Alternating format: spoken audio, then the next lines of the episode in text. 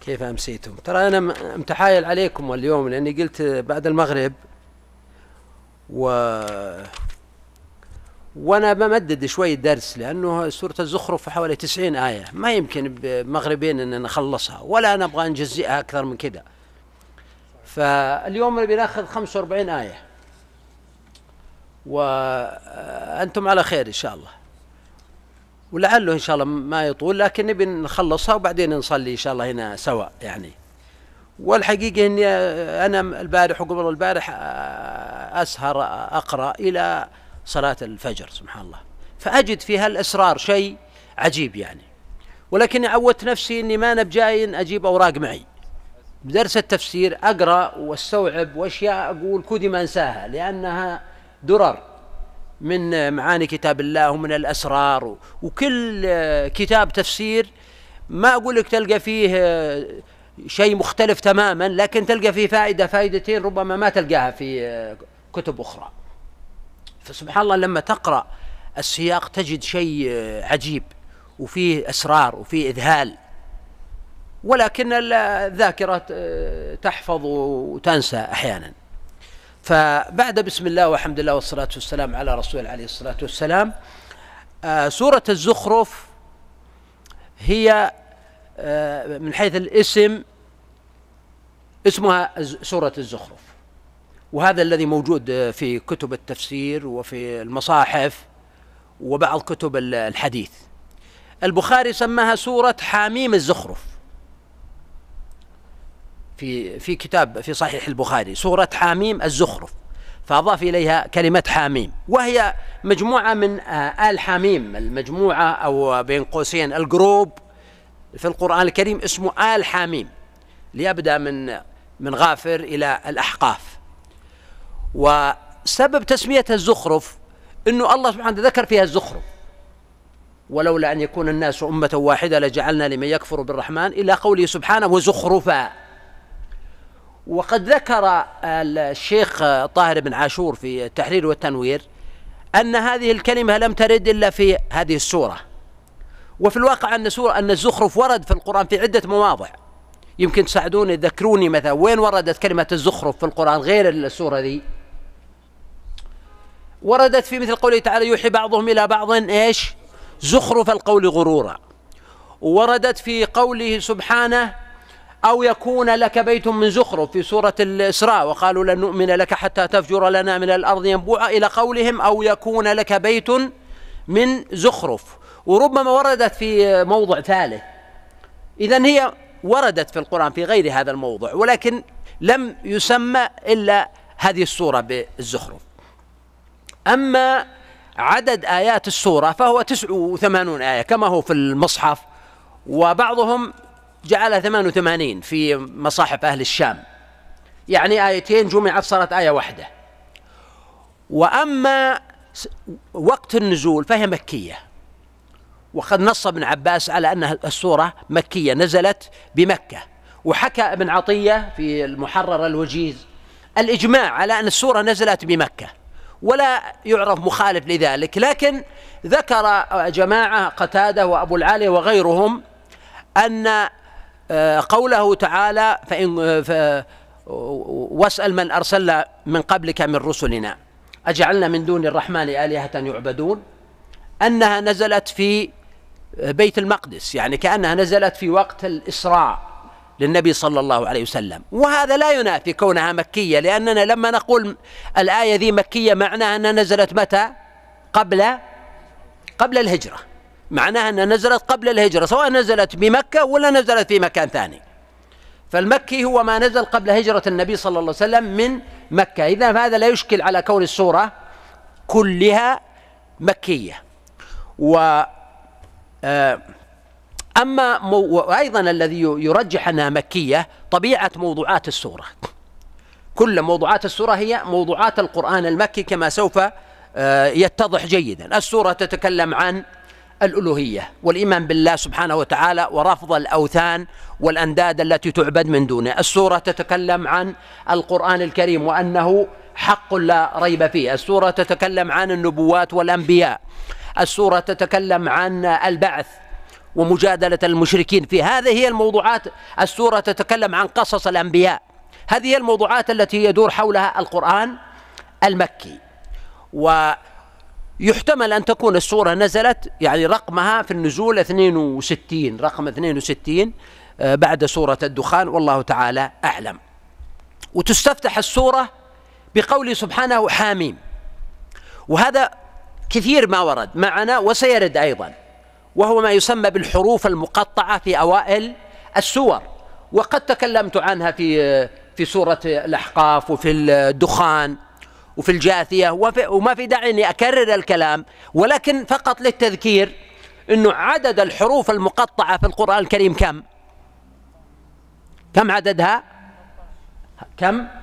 14 يعني نصف حروف الهجاء. هذا عدد الحروف المقطعة في القرآن الكريم يعني من دون حذف المكرر يعني.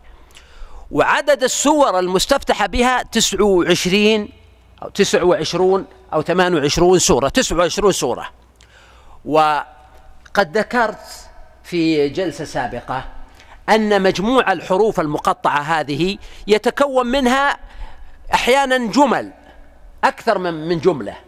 يعني لو واحد عندكم حاسوب لو واحد منكم عنده حاسوب وجمع الحروف اللي قلنا عددها كم؟ 14 اللي ألف لام ميم صاد راء آه، قاف إلى آخره. لو جمعها وحاول يعمل طريقة أنه الحرف يقلبه في كل مرة. مثلا ألف مرة يخليه في البداية ومرة يخليه رقم اثنين ومرة يخليه رقم ثلاث ومرة يخليه رقم كم؟ 14 وهكذا اللام ألف لام. يقلبه مرة يخليها الأول ومرة يخليه رقم 14 هنا بيطلع من بيطلع لك من المجموع هذه مجموعة عبارات وحكم غريبة وجميلة ومناسبة للمقام. عدة أشياء. وفي واحد ممكن ممكن يسويها وتواصل معي. عملية حسابية. خلاص؟ وعد؟ طيب أجل أنتظر منك إن شاء الله.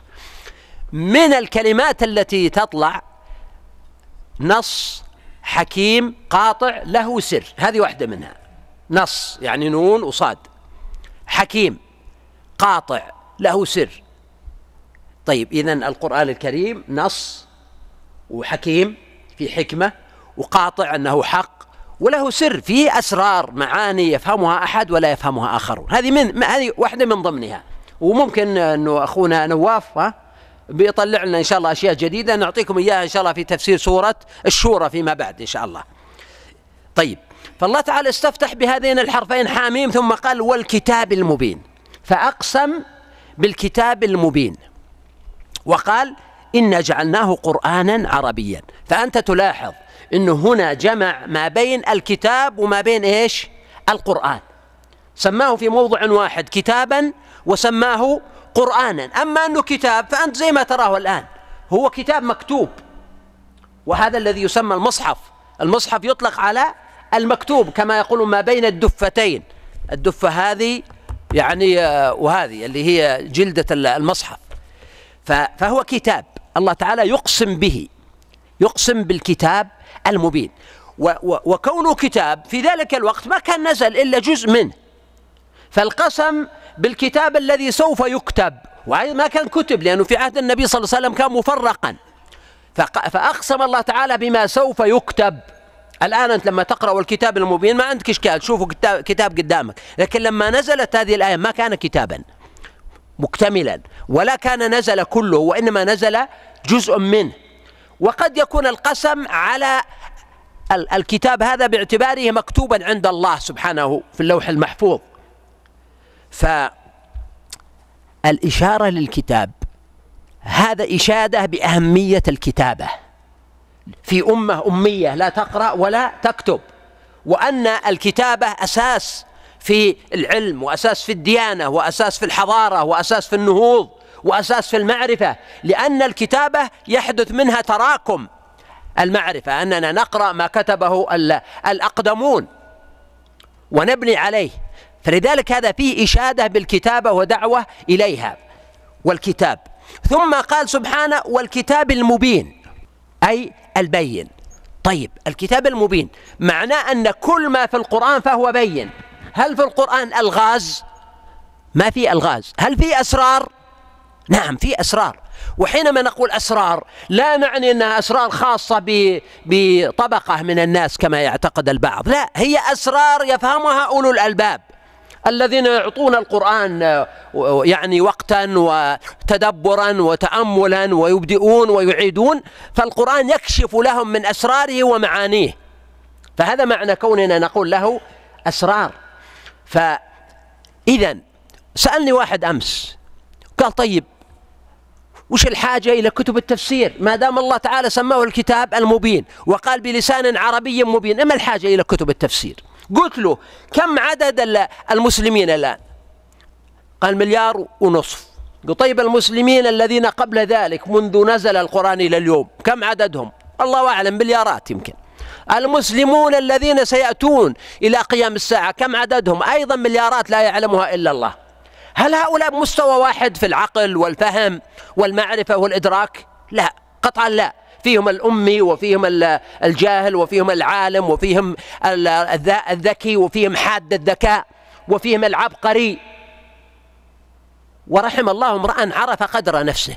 أنا أقرأ في كتب التفسير أحيانا معاني أدرك بأنها معاني جميلة ورائقة ولكن عقلي لا يستوعبها فأدرك أنني أقل منها.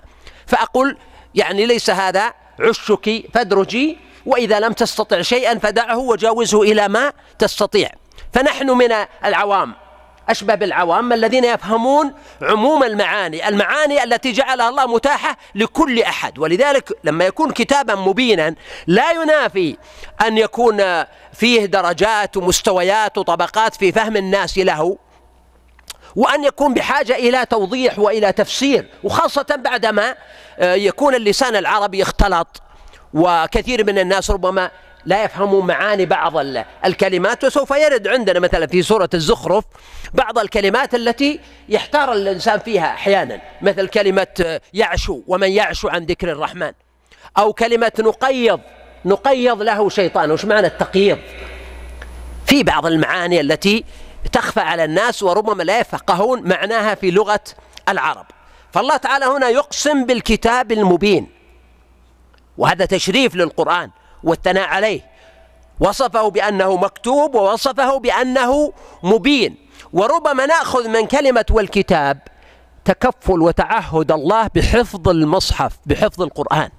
لأن هذا القسم باقي إلى قيام الساعة. فمعناه أن يكون المقسم عليه حاضرا مشهودا لا ينقص كما قال سبحانه إنا نحن نزلنا الذكر وإنا له لحافظون. يقسم الله على ماذا؟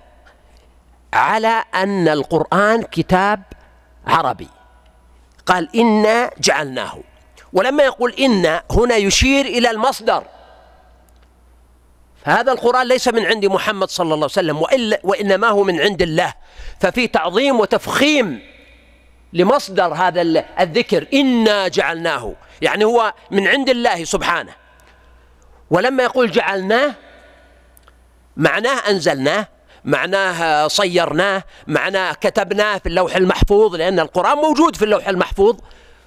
فليست الآية كما آه، يزعم بعض المعتزلة أنها تدل على أن القرآن مخلوق وإنما القرآن هو كلام الله سبحانه وتعالى أنزله على نبيه محمد صلى الله عليه وآله وسلم. وقال جعلناه قرآنا فجمع هنا مع الكتاب كونه مكتوبا جمع مع جمع معها كونه مقروءا منطوقا قرآن. ولذلك كانت طريقة إثبات القرآن معجزة. وأنا عندي فيها محاضرة عن المصحف رسم المصحف. يعني فيه إعجاز صراحة وفي كتاب اسمه رسم المصحف ليت أحد يقرأه الدكتور عراقي. السامرائي أظنه. فهنا يعني الله تعالى حفظ الكتاب بالكتابة بحيث أنه الكتاب القرآن مكتوب في عهد أبي بكر رضي الله عنه. يعني المهمة الأعظم والأقدس للخلافة الراشدة هي كتابة المصحف بحيث وجد المصحف مجموعا ووجد منه عدة نسخ وزعت على الأمصار. هذا المكتوب محفوظ كنص وحروف موجودة في الكتاب. ولذلك شوف الرسم العثماني الآن. هذا مختلف عن الإملاء العربي في أشياء كثيرة. حفاظا على قداسته وعلى ما توارثه الصحابة رضي الله عنهم. فهو محفوظ من هذه الناحية. وهناك الآن مخطوطات. أنا عندي واحد منها في تركيا وفي اليمن وفي طاجكستان في طشكند وفي عدة آه، مدن ومكتبات في العالم. نسخ من المصحف عمرها ألف سنة. ألف ومئتين سنة. ألف وثلاثمائة سنة. بل هناك المصحف الإمام الذي لما قتل عثمان رضي الله عنه كان المصحف في حجره. هذا المصحف أنا أجزم بأنه موجود لكن أين هو؟ يحتاج إلى بحث. ويا ليت أن هناك أي مركز إسلامي يعنى بجمع مخطوطات المصحف والتحري حولها وهذا شيء هذا عمل عظيم جدا يعني وربما يأخذ أولوية يعني. وكذلك حفظ المصحف مرة ثانية بكونه قرانا. بمعنى أنه ناس يحفظونه. أناجيلهم في صدورهم. الآن لا تستغرب أنه تجد طفل تركي وموجود في اليوتيوب مقاطع مخيفة مذهلة. تجد طفل عمره ثمان سنوات.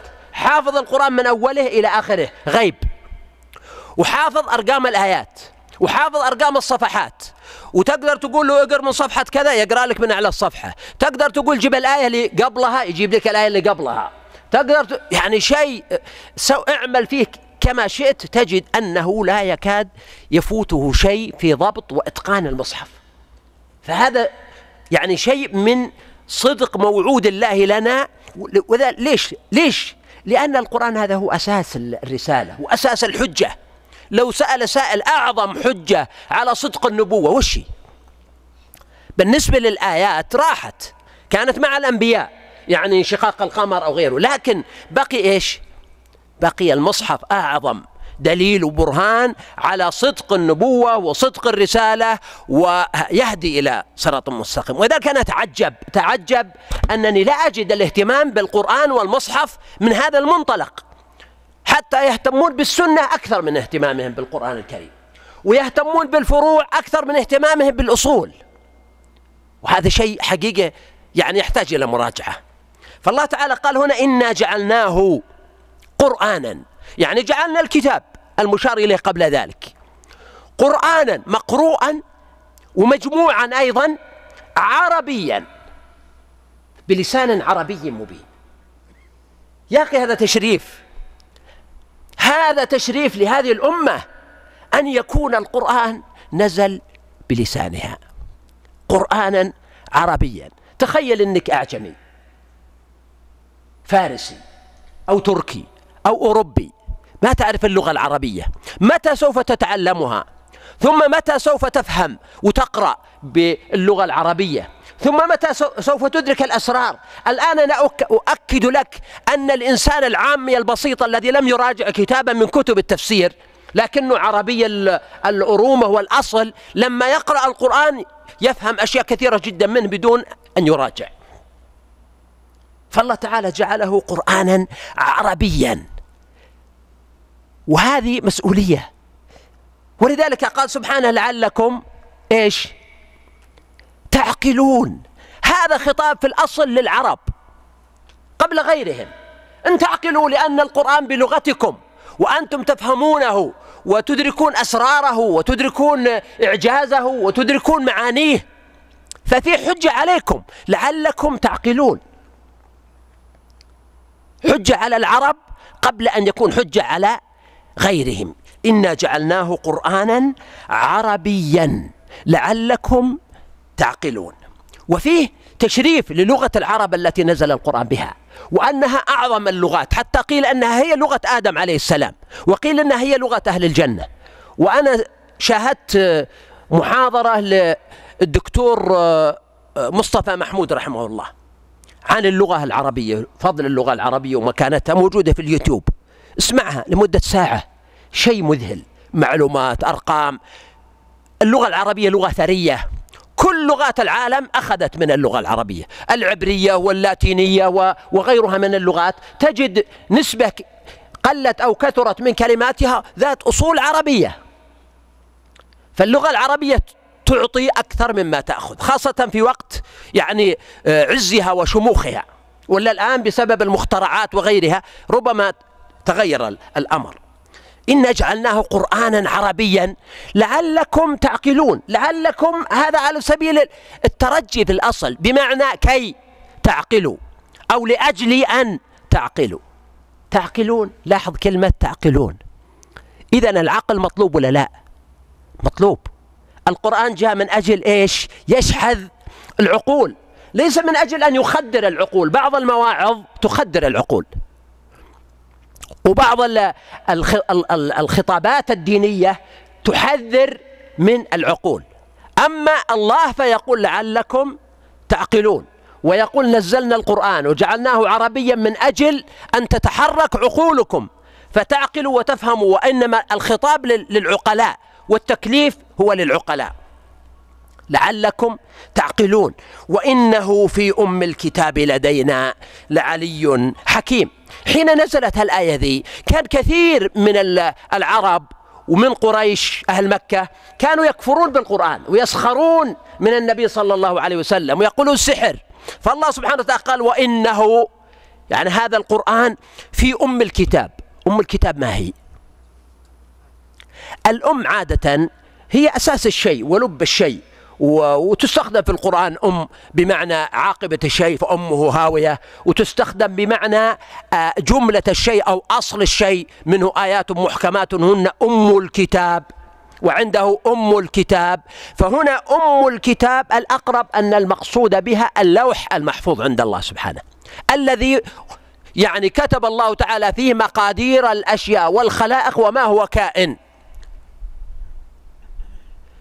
ومن ضمن ما كتب الله إرسال الرسل والكتب وما هذه الكتب ونصوص هذه الكتب كلها عند الله سبحانه وبحمده في اللوح المحفوظ. فالله تعالى قال وإنه في أم الكتاب. إذا هذه ميزة للقرآن إن أنه في أم الكتاب فهو مأخوذ منها ونزل بعد ذلك على النبي صلى الله عليه وسلم منجما بحسب الوقائع والأحوال بحسب الأسباب.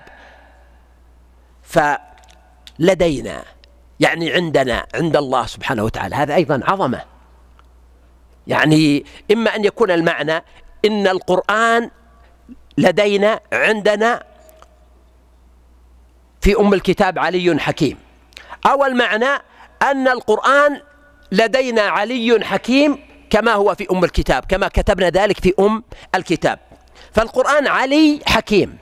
وإن سخرتم به وإن استهزأتم به وإن قلتم سحر إلا أنه علي له علو وهذا يعني تفوقه على الكتب السابقة فهو قاضي ومهيمن عليها وناسخ لكثير من شرائعها.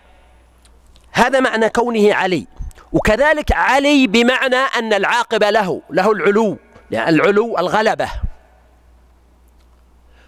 وحكيم إما أن يكون المعنى أنه محكم لا يزاد ولا ينقص ولا يغير ولا يبدل.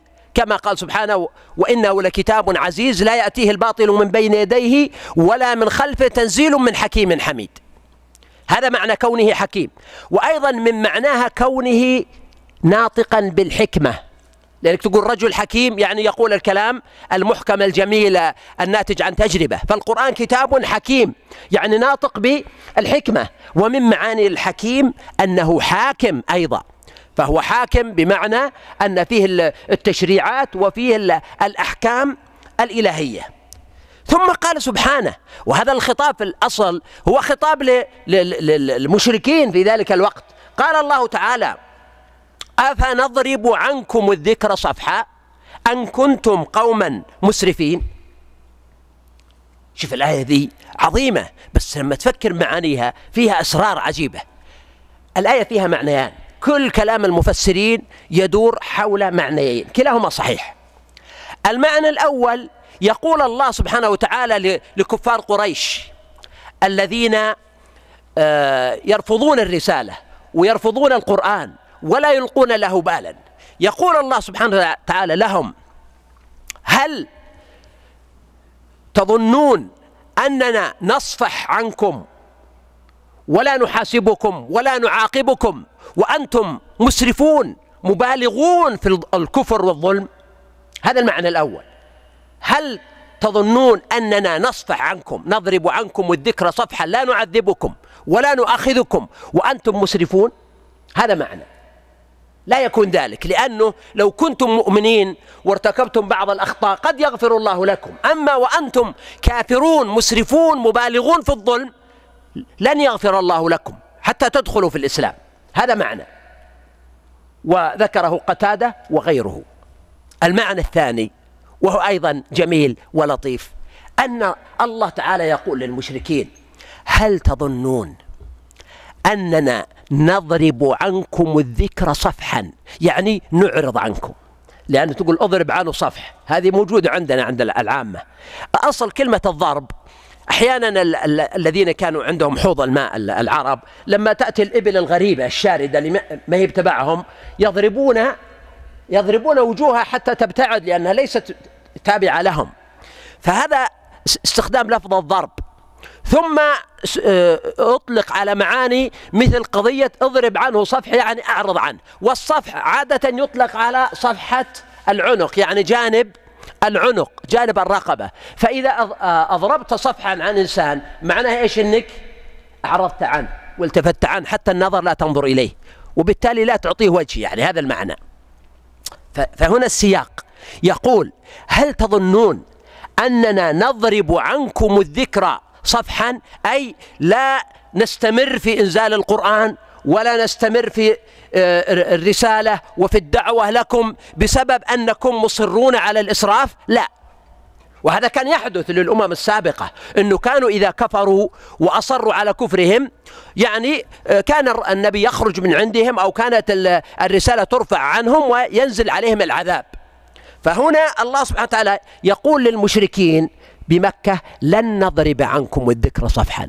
سوف يستمر نزول الوحي ونزول القرآن ووجود الرسول صلى الله عليه وسلم بينكم حتى ولو كنتم قوما مسرفين لأن آه، قد يهتدي منكم من يهتدي ويصلح من يصلح وقد يأتي من بعدكم ومن أجيالكم من يعبد الله تعالى وحده لا يشرك به شيئا. إذا كونكم تتضايقون وتتبرمون من القرآن ومن نزوله ومن دعوة الرسول صلى الله عليه وسلم بسبب كونكم مسرفين هذا لا يمنع لن يمنع من نزول الوحي. وأن كنتم هنا لأنكم كنتم قوما مسرفين أو إن كنتم قراءتان قوما مسرفين. والمسرف هو المبالغ في الشيء. والإسراف يكون يعني في الغالب أنه يكون في الشر. ولذلك بعض العلماء يقولون لا سرف في الخير.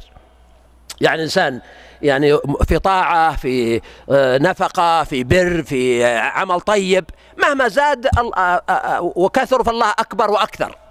فلذلك هنا قال أن كنتم قوما مسرفين يعني مبالغين ومتعدين الحدود ومتجاوزين وفي إيش؟ في الكفر في الظلم في الاستهزاء في الإعراض في الجهل في الإصرار. على ما أنتم عليه. قال الله سبحانه وتعالى وكم أرسلنا من نبي في الأولين. الأمر ليس متوقفا عليكم. لستم أنتم أول من صار منها الشيء هذا. كم أرسلنا؟ كم هنا تدل على ماذا؟ هي طبعا أداة استفهام لكن تدل على إيش؟ الكثرة. نعم. تدل على الكثرة يعني كثيرا ما أرسلنا من نبي في الأولين. وهنا الأولين يعني كل الأمم التي قبل النبي صلى الله عليه وسلم. يطلق عليهم الأولين في هذا السياق. فالله تعالى قال أرسلنا كثيرا من الأنبياء في الأولين وما يأتيهم من نبي إلا كانوا به يستهزئون. شيء عجيب. يعني يقول لك هذه سنة الله إنه لاحظ التعميم وما يأتيهم من نبي. ما فيه ما حصل ولا مرة واحدة تنقض القاعدة هذه. ولا مرة واحدة ما فيه نبي. شوف يا أخي ما فيه نبي لما جاء إلى قومه ودعاهم قالوا سمعنا وأطعنا جزاك الله خير وين الطريق دلنا. ما ما حدث هذا ابدا. كل نبي كانوا به يستهزئون وما يأتيهم من نبي إلا كانوا به يستهزئون. كل نبي كل نبي نبي. إحنا نتكلم عن أنبياء الله اختارهم وأرسلهم وأيدهم بإيش؟ بالوحي وبالملائكة وبالآيات. ومع ذلك ربك يقول إلا كانوا به يستهزئون كل الأمم.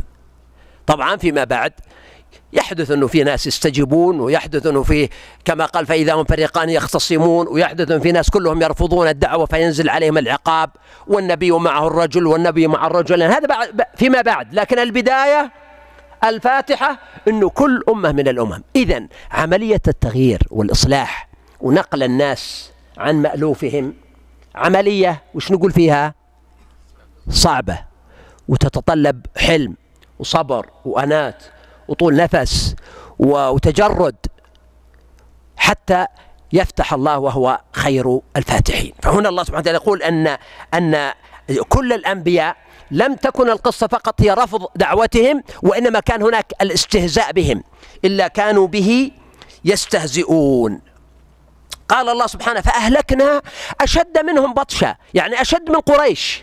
إذا كانوا قريش أهل مكة مغرورين ببعض ما عندهم من المال والقوة البسيطة الله تعالى يقول أهلكنا من الأمم السابقة أشد منهم بطشا. البطش في الأصل هو ماذا؟ القوة. البطش هو القوة. وذلك الله تعالى قال في الحديث القدسي وكنت يده التي يبطش بها يعني يأخذ ويعطي وإلى آخره. فالبطش هو القوة. تقول فلان ذو بطش يعني أنه شخص قوي وشديد. ولذلك يعني غالبا أيضا قد يكون البطش معه نوع من الاندفاع والغرور إذا كان في البشر. ولذلك الله يبطش بأعدائه أحيانا. فالجزاء من جنس العمل كما سوف يأتي. أن الله تعالى يعني وعد هؤلاء بالانتقام ووعدهم بالبطش. فقال فأهلكنا أشد منهم بطشا. ومضى مثل الأولين. يعني كما قال وقد مضت سنة الأولين. إذا مثل الأولين سنة الأولين. إن سنة الله أن الأمم المكذبة تعاقب. وينزل عليها عذاب الاستئصال بالنسبة للأمم السابقة. أن ينزل عليهم فورا عذاب ينهي وجودهم. أما هذه الأمة فالله سبحانه وتعالى أعطاها الإمهال ولذلك قال في السورة كما سوف يأتي قال فإما نذهبن بك فإن منهم منتقمون أو نرينك الذي وعدناهم فإن عليهم مقتدرون. لكن هذا نوع من الوعيد. إذا قوله وقد مضت سنة الأولين يعني أن هذه سنة ماضية. ومضى مثل الأولين يعني قانون جاري على الأمم السابقة كلها هذا معنى وقد مضت سنة الأولين هذا أجمل ما يقال في التفسير وبعضهم قالوا إن قوله سبحانه ومضى مثل الأولين يعني أننا ذكرنا لك وأنزلنا عليك في القرآن قبل هذه السورة قصصا تدل على ما حدث للأولين من العقاب. قال الله سبحانه ولئن سألتهم الآن أعرض عنهم واتجه الخطاب للنبي صلى الله عليه وآله وسلم. قال ولئن سألتهم يعني هؤلاء المشركين المجادلين لو سألتهم من خلق السماوات والأرض ليقولن خلقهن العزيز العليم. فهم يعترفون بالله تعالى الخالق لكن اعتراف لا يبنون عليه نتيجة العبودية لله والطاعة وإنما هو مجرد ثقافة موروثة عندهم وليسوا كلهم يقولون ذلك. لأن بعضهم يقولون نموت ونحيا وما يهلكنا إلا الدهر. وبعضهم قد يعتقدون معتقدات مختلفة لكن كثير منهم أو جلهم يقولون خلقهن الله. طيب هم يقولون خلقهن العزيز العليم؟ يقولون العزيز العليم يعترفون بالعزيز العليم؟ لا. وإذا قيل لهم اسجدوا للرحمن قالوا وما الرحمن؟ فهم لا يؤمنون بأسماء الله الحسنى. وإنما قالوا خلقهن الله كما ذكر تعالى في سورة لقمان وفي سورة المؤمنون. ولئن سألتهم من خلق السماوات والأرض ليقولن الله. ولفظ الله موجود عندهم وفي أشعارهم كثير جدا. لكن العزيز العليم لا يقولون به. وإنما الله تعالى ضمن قولهم ما يقتضي الحجة عليهم. يعني قال ليقولن الله. والله سبحانه هو العزيز العليم. فهذا يقتضي أن يؤمنوا بقدرته وعلمه ولا يعبدوا تلك الأصنام التي لا تدفع عن نفسها فليست عزيزة. ليست قادرة على أن تدفع عن نفسها وليس عندها علم فهم أعلم منها لأنهم هم ذو عقول وهي حجارة. لا تضر ولا تنفع ولا تدفع. إذا يعني قوله خلقهن العزيز العليم أنه ضمن كلامهم صفته سبحانه التي تقتضي الكفر بمعبوداتهم. ثم بدأ في سياق ذكر صفات الله سبحانه. وهذا معنى قرآني عظيم جدا جدا جدا. بل هو الأساس يعني. أهم حتى من موضوع البعث التعريف بالله وبأسماء الله وصفاته ومناداتهم بهذا الخصوص. فقال الذي جعل لكم الأرض مهدا. والقراءة الثانية مهادا. المهاد والمهد مثل مهد الطفل. مهد الطفل لين وناعم وموطأ من أجل أن ينام عليه الطفل. فالله تعالى جعل الأرض هذه لنا مثل المهاد. وفي سورة عمة الله تعالى قال ألم نجعل الأرض مهادا؟ وهنا قال الذي جعل لكم الأرض مهادا وفي قراءة مهدا. لكن هنا قال الذي جعل لكم. إذا الآية فيها معنيان. المعنى الأول تعظيم الله والاحتجاج على قدرته بخلق السماوات والأرض. المعنى الثاني الامتنان عليكم بالنعم ولذلك أقحم كلمة لكم جعل لكم من أجل أن تتذكروا هذه النعمة. كونك آه، قايم قاعد تمشي تذهب تأتي على الأرض لا يجب أن ينسيك هذه النعمة العظيمة. كما في سورة آه، تبارك هو الذي جعل لكم الأرض ذلولا فامشوا في مناكبها وكلوا من رزقه وإليه النشور. فهنا قال جعل لكم الأرض مهدا مهاد. وشيء عجيب مهاد الآن. هالأرض يصبر علينا يا أخي. إحنا نمشي نحفر نبني نقيم الجسور نهد الجبال نتصرف نخطي نعصي. وهذه الأرض موطأة الأكناف ممهدة لنا نستثمرها إن كان في زرع أو كان في بناء أو كان في طرقات. أو ما شاء الله تعالى من ألوان الاستثمار قال وجعل لكم فيها سبلا. فيها. إما أن يكون المقصود الطرق. السبل والسبل هذه شيء عظيم في بناء الحضارات وتواصل الشعوب. يعني رأس الرجاء الصالح مثلا من الذي يجهل أثر هذا الاكتشاف في تواصل الشرق والغرب وفي حركة التجارة العالمية طريق الحرير التاريخي المشهور. الطرق هذه شيء عظيم جدا في تواصل الناس وفي البناء وفي الحضارة وفي التجارة وفي الغزو وفي غيره من المصالح. فهذا نوع من السبل وجعل لكم فيها لاحظ أيضا كلمة لكم من هذه منة من الله تعالى عليهم. ولكن أيضا كلمة فيها تحتمل معنى ثاني وهو في الأرض. يعني أنكم تحفرون في الأرض. مثلا يحفرون في البدو يحفرون في الأرض يحصلون الفقع أو الكمى يحصلون الوان من أيضا المعادن التي يعثرون عليها من الكنوز. الآن النفط مثلا. هذا من السبل في الأرض. إنه فيها. ليس فقط عليها وإنما فيها. يعني تحفر في الأرض فتجد سبلا وطرقا للخير والبركة والفضل والعطاء والنماء. لعلكم تهتدون. وهذا دائما طريقة قرآنية أن الله تعالى يقارن الأشياء المادية بالأشياء الحسية. مثلا يقارن المطر بالوحي يقارن الحياة بالإيمان يقارن الموت بالكفر يقارن العمى بالضلال. هكذا هنا قال لعلكم تهتدون. يعني لعلكم تهتدون إلى طرقكم في الأرض. فتعرفون الطرق وتهتدون بالنجوم وتهتدون بالعلامات وغير ذلك ولكن أيضا لعلكم تهتدون إلى طريق الله سبحانه. فكما هناك سبل في الأرض هناك سبل في الخير والهداية والإيمان تهديك إلى الله سبحانه وبحمده. فالله تعالى يوجهنا إلى أنه مثل ما نهتدي بطرق الأرض ونبحث عن الطريق الصحيح ونختاره. كذلك علينا أن نبحث عن طرق الخير طرق البر. وهذا يحتاج إلى حقيقة معالجة. كثير من الناس يسألون فلان على حق ولا على باطل؟ أمس واحد من الأخوة صلى معي قال يا شيخ داعش هم على حق ولا على باطل؟ قلت لا والله يا أخي يعني هم يعني آه، على كثير من الاندفاع والغلو والتسرع والجرأة على الدماء والجرأة على الأعراض. قال لي والله أني أتمنى أنهم على حق. قلت أقسم لك بالله أني أتمنى أنهم على حق. وأقسم بالله أن نتمنى هم وغيرهم أن الله يهديهم لأرشد أمرهم. ودنا يا أخي. لكن هذا لا يمنع أن, أن الإنسان يقول الخطأ خطأ والضلال ضلال والحق حق.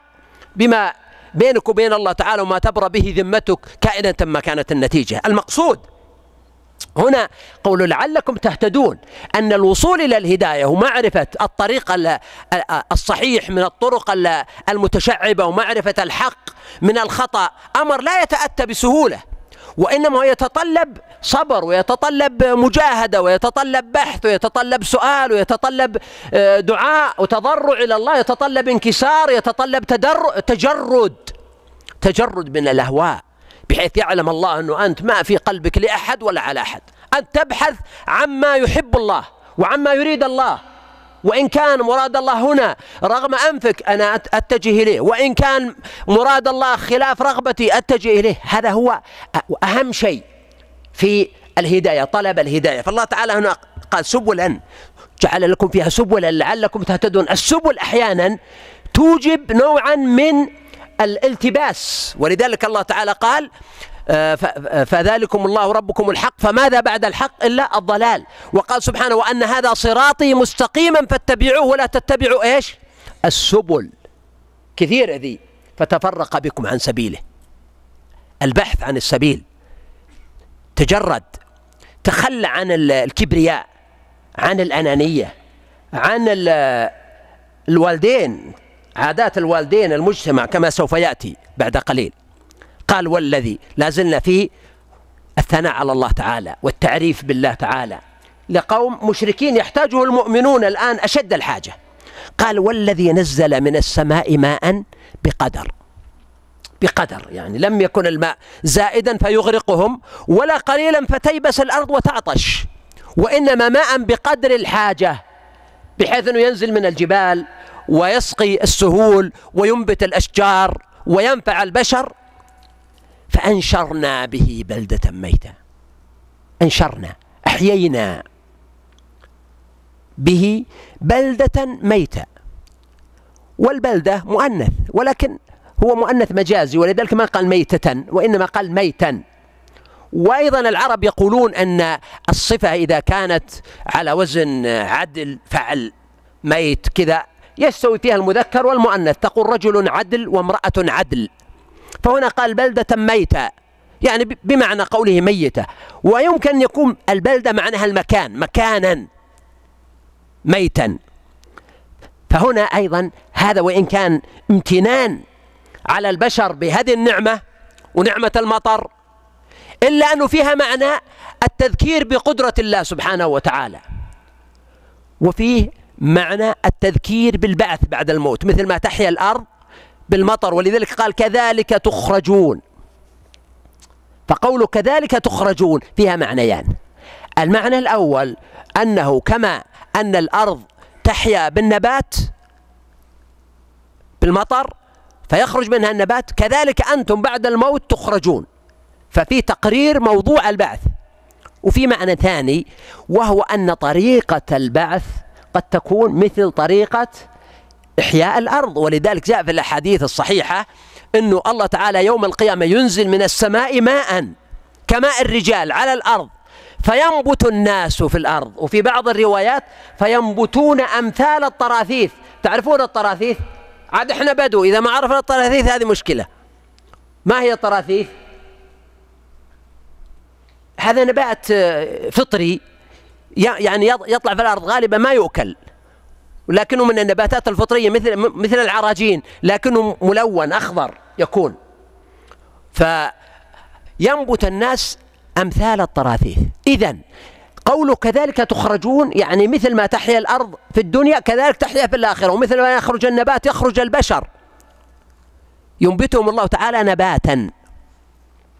وأيضا في الآية قوله والذي نزل من السماء ماء بقدر فأنشرنا به بلدة ميتة فيه تحفيز لهم إلى أن يغيروا من واقعهم وأنه يمكن أن تحيا أرضكم بعد موتها.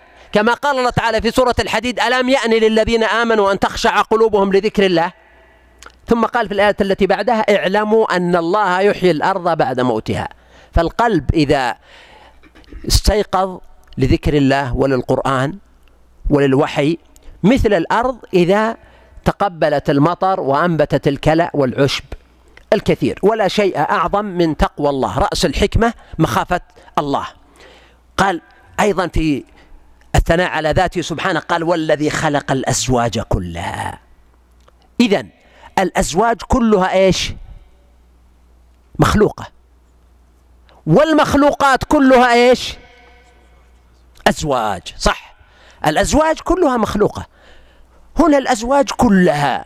لما يقول كلها سبحانه لا تستثني شيء. إن شئت أزواج من البشر من الحيوانات من الهوام. الأزواج من الأشياء مثل الصيف الشتاء البرد الحر الصحة المرض القوة الضعف الغنى الفقر الدنيا الآخرة الأرض السماء الجن الإنس. أزواج من كل شيء. وأيضا لو سأل سأل طيب الملائكة ينطبق عليهم الكلام هذا؟ ليش؟ ها؟ طيب ملائكة السماء وملائكة الأرض يمشي ولا ما يمشي؟ ملائكة الليل وملائكة النهار ملائكة الدنيا وملائكة الآخرة ملائكة الرحمة وملائكة العذاب. إذا هنا نتكلم عن الزوجية بمعنى الثنائيات وليس أنه ذكر وأنثى كما آه، يتبادر إلى الأذهان إذا هذا في المخلوقات كلها يجري في المخلوقات كلها خلق الأزواج كلها. وهنا لما يقول الأزواج كلها هذا تمهيد لأنه يتكلم عن ذات الله لأنه راح يرجع عليهم بعد شوي في قضية ادعائهم أن الملائكة بنات الله. يرد عليهم بس هذا تمهيد مقدمة هذه جرعة أولية خلق الأزواج كلها كل مخلوقون له سبحانه. وجعل لكم لكم أيضا هنا المنة النعمة من الفلك والأنعام ما تركبون. لماذا بدأ بالفلك قبل الأنعام؟ مع أنهم كانوا أهل بر ولا أهل بحر هم بر. أكثر استخدامهم للإبل. لكن هنا بدأ بالفلك. لماذا؟ عندي لذلك سببان. السبب الأول أنه سبحانه قال وجعل لكم. والجعل في الغالب يستخدم للأمر المصنوع اللي فيه صناعة. فكانت الفلك أولى لأنها الفلك تصنع ويصنع الفلك. فهذا أولى. والمعنى الثاني لأن هذا الباب علم الله أنه سيتوسع. باب المصنوعات التي تستخدم في السفر وغيرها وفي الطرق والسبل والضرب في الأرض كما ذكر لهم قبل قليل. فلذلك آه، جاءت جاءت بعد الفلك جاءت القطارات ثم جاءت الطيارات والسيارات والصواريخ ووسائل النقل ويخلق ما لا تعلمون. فلذلك قدم الفلك وجعل لكم من الفلك ثم قال والأنعام. والأنعام هنا وش ها؟ الإبل وش بعد؟ والخيل والبقر والغنم. لا الغنم تركب. اي أحسنت. اذا المقصود بالأنعام هنا الأنعام المركوبة يعني جعل لكم من من الفلك والأنعام ما تركبون. فيشمل الأنعام هنا الإبل وربما يشمل البقر يشمل الخيل يشمل البغال الحمير كما قال سبحانه والخيل والبغال والحمير لتركبوها وزينة. وجعل لكم من الفلك والأنعام ما تركبون لتستووا على ظهوره. على ظهوره. يعني سواء كان آه، سفينة السفينة كلها ظهر أحيانا خاصة السفن الضخمة الهائلة لها ظهور. لتستووا على ظهوره أو كان على الخيل أو الإبل أو غيرها. ثم تذكروا نعمة ربكم نرجع للنعمة دائما لكم لكم لكم. تذكروا نعمة ربكم إذا استويتم عليه. أنا أستلهم من هذه الآية الكريمة معنى عظيم وهو أن الله تعالى يريد منا. يعني شوف إذا استويتم يعني كلما استويتم يكفي أن الواحد يقولها مرة بعمره؟ يكفي؟ لا. وأن المشروع أن يقولها متى؟ كلما استويتم عليه. إذا هنا تذكروا نعمة ربكم. كيف تذكروا نعمة ربكم؟ تذكرون باللسان ولا بالقلب؟ الأقرب أن المقصود القلب هنا. تذكروا نعمة ربكم. يعني كلما ركبت تذكرت نعمة الله. يا أخي ترى هذا معنى عظيم اللي هو العادات القلبية. شيء رائع غير عادي. إذا شربت الماء مثلا أفرأيتم الماء الذي تشربون؟ أأنتم أنزلتموه من المزن أم نحن المنزلون؟ تذكر. كلما شربت الماء تذكر الآية هذه بحيث يصير للماء قيمة مضاعفة ويكون معه شكر. كلما أكلت تذكر نعمة الله عليك بالعافية بالهضم بالطعام الطيب بالراحة النفسية بالهدوء بالأمن بالخير. إذا ركبت تذكر. إذا نمت تذكر كم نعمة النوم فيها من فضيلة؟ إن الواحد يحط رأسه بعدين ما يدري إلا هو في عالم آخر. قد يكون مجهد أو تعبان أو ضيق صدره ينسى كل شيء يقوم وهو مرتاح مبسوط. يقتل النعم الاعتياد عليها. فالله تعالى يريد منا أننا نتذكر ونحيي هذه النعم في قلوبنا وضمائرنا بالتذكر ولذلك قال ثم تذكروا نعمة ربكم. إذا استويتم عليه. ولذلك قال النبي صلى الله عليه وسلم في صحيح مسلم إن الله لا يرضى عن العبد أن يأكل الأكلة فيحمده عليها ويشرب الشربة فيحمده عليها. هذا التذكر بالقلب. يجي واحد يسأل يقول هذا يؤجر العبد عليه. يا أخي وش هالسؤال القبيح؟ يؤجر العبد. هذا أعظم أعظم عبادة يا أخي في القلب. عبادة القلب أعظم عبادة. وكم من إنسان ذاكر بلسانه ولاهم بقلبه. وإذا تواطأ القلب واللسان هذا نور على نور. فهنا الله تعالى قال ثم تذكروا نعمة ربكم إذا استويتم عليه. وإن كان بعضهم ذكر أنه يشرع ذكر الحمد لله الذي من علينا بمحمد صلى الله عليه وسلم. هذا لا لم يثبت. والأقرب أن المقصود هنا ذكر النعمة بالقلب. إذا استويتم عليه وتقولوا. هذا الدعاء الآن الذي تقولونه بألسنتكم مما يرجح أن الأول بالقلب. أما باللسان تقول سبحان الذي سخر لنا هذا وما كنا له مقرنين. إذا هنا لما قال سبحان الذي سخر وش مناسبة التسبيح؟ المناسبة أولا تنزيه الله عن الأنداد لأن كثيرا من هؤلاء وغيرهم يعبدون غير الله أو يعبدون الله ويعبدون معه غيره. فلذلك قال وتقول سبحان الذي سخر. يعني نسبح الله وننزه الله أن يكون أحد جديرا بأن يكون له معه شركة في الطاعة والعبادة. فهذا من أعظم المعاني أن يلهمهم التوحيد والإيمان بالله الواحد المنعم المتفضل الخالق أن يستذكروا هذا المعنى عند ذلك. وتقول سبحان الذي سخر لنا هذا. وكذلك التسبيح من معانيه إثبات صفات الكمال لله سبحانه وبحمده فهو المنعم المتفضل الخالق الرازق. قال وما كنا له مقرنين. طبعا هذا الدعاء يقال عند ركوب الدابة وكان النبي صلى الله عليه وسلم يقوله كما في حديث عبد الله بن عمر رضي الله عنه وهو في مسلم إنه كان يقول بسم الله ثم يقول الله أكبر ثم يقول سبحان الذي سخر لنا هذا وما كنا له مقرنين.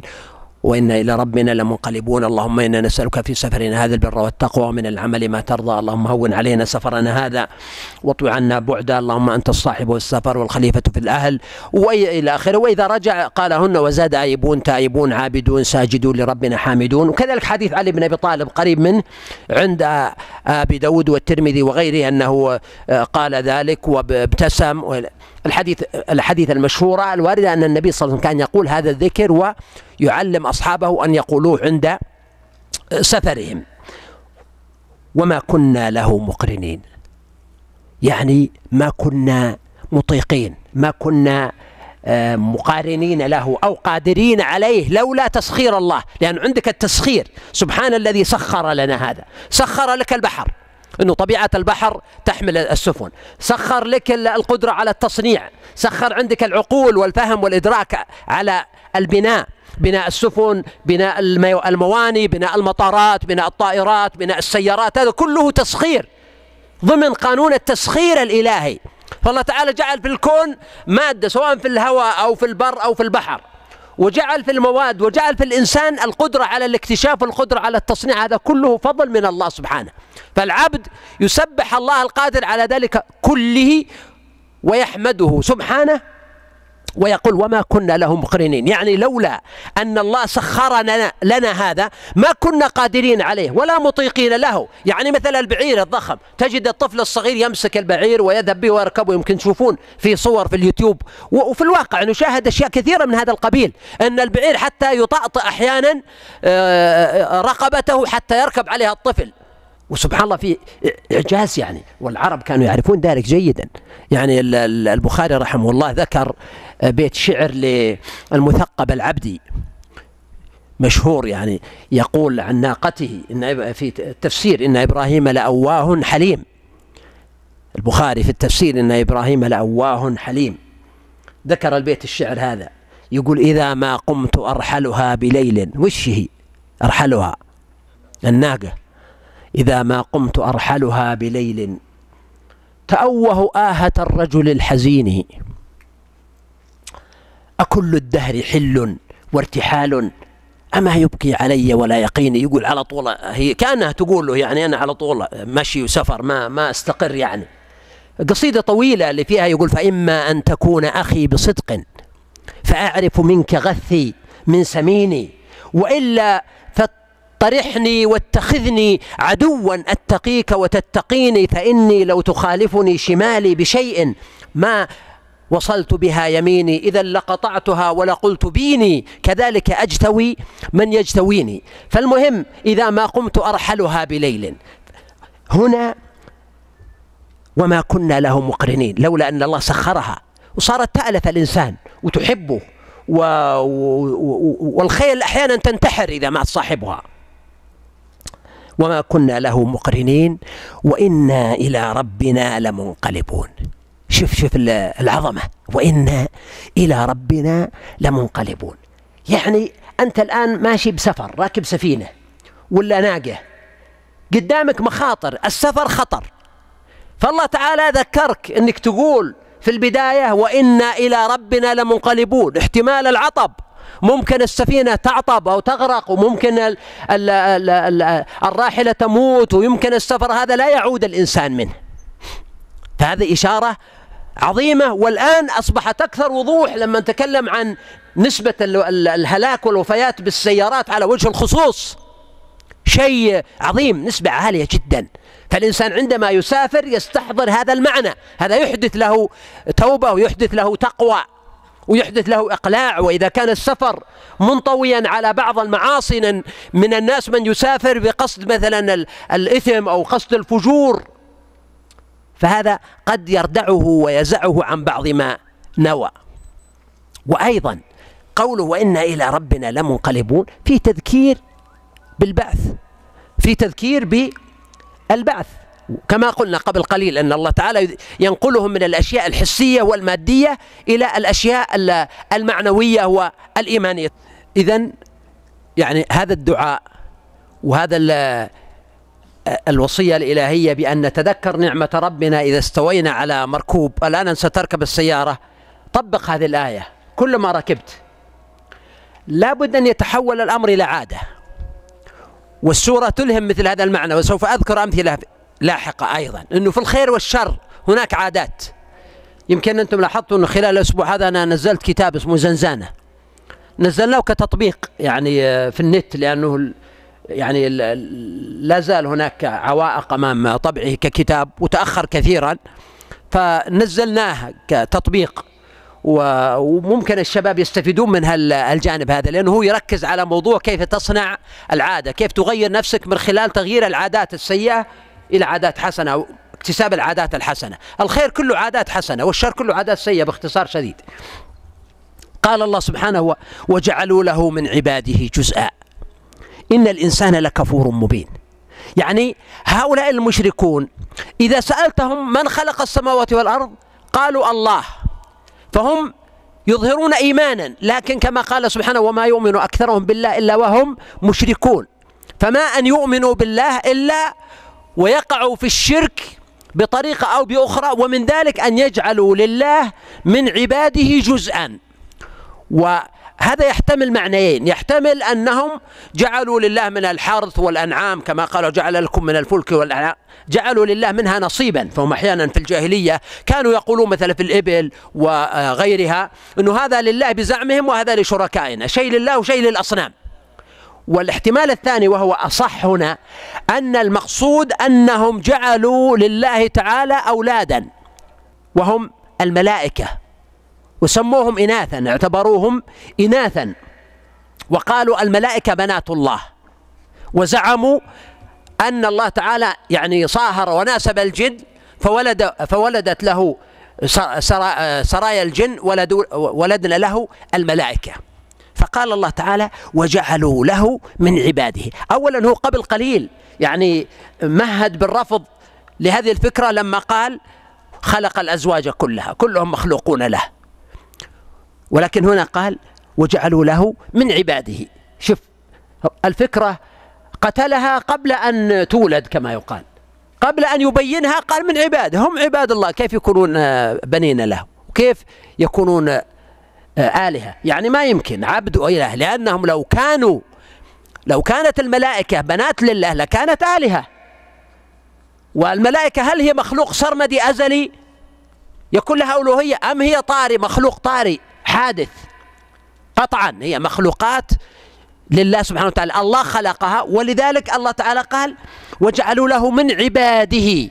يعني هم عبيد الله هؤلاء الملائكة يعبدونه. فليسوا بنات الله كما يقولون جزءا. يعني جعلوا له بعضا لأن الابن جزء من أبيه. ولذلك النبي صلى الله عليه وسلم قال عن فاطمة أن فاطمة بضعة مني الولد هو من أبيه في الأصل مخلوق من حيوان الأب فهو امتداد له في جسده وفي حياته. فالله تعالى هنا أنكر عليهم هذا المعنى. أنهم جعلوا لله جزءا كأنه جزء انفصل وأصبح ملكا أو أصبح بنتا. وهذا من آه، الاعتقادات الشركية الوهمية التي كانوا يتناقلونها بدون تفكير وبدون حساب وبدون آه، منطق. قال إن الإنسان لكفور مبين. سبحان الله قال كفور يعني شديد الكفر. ومبين بين الكفر. ليش؟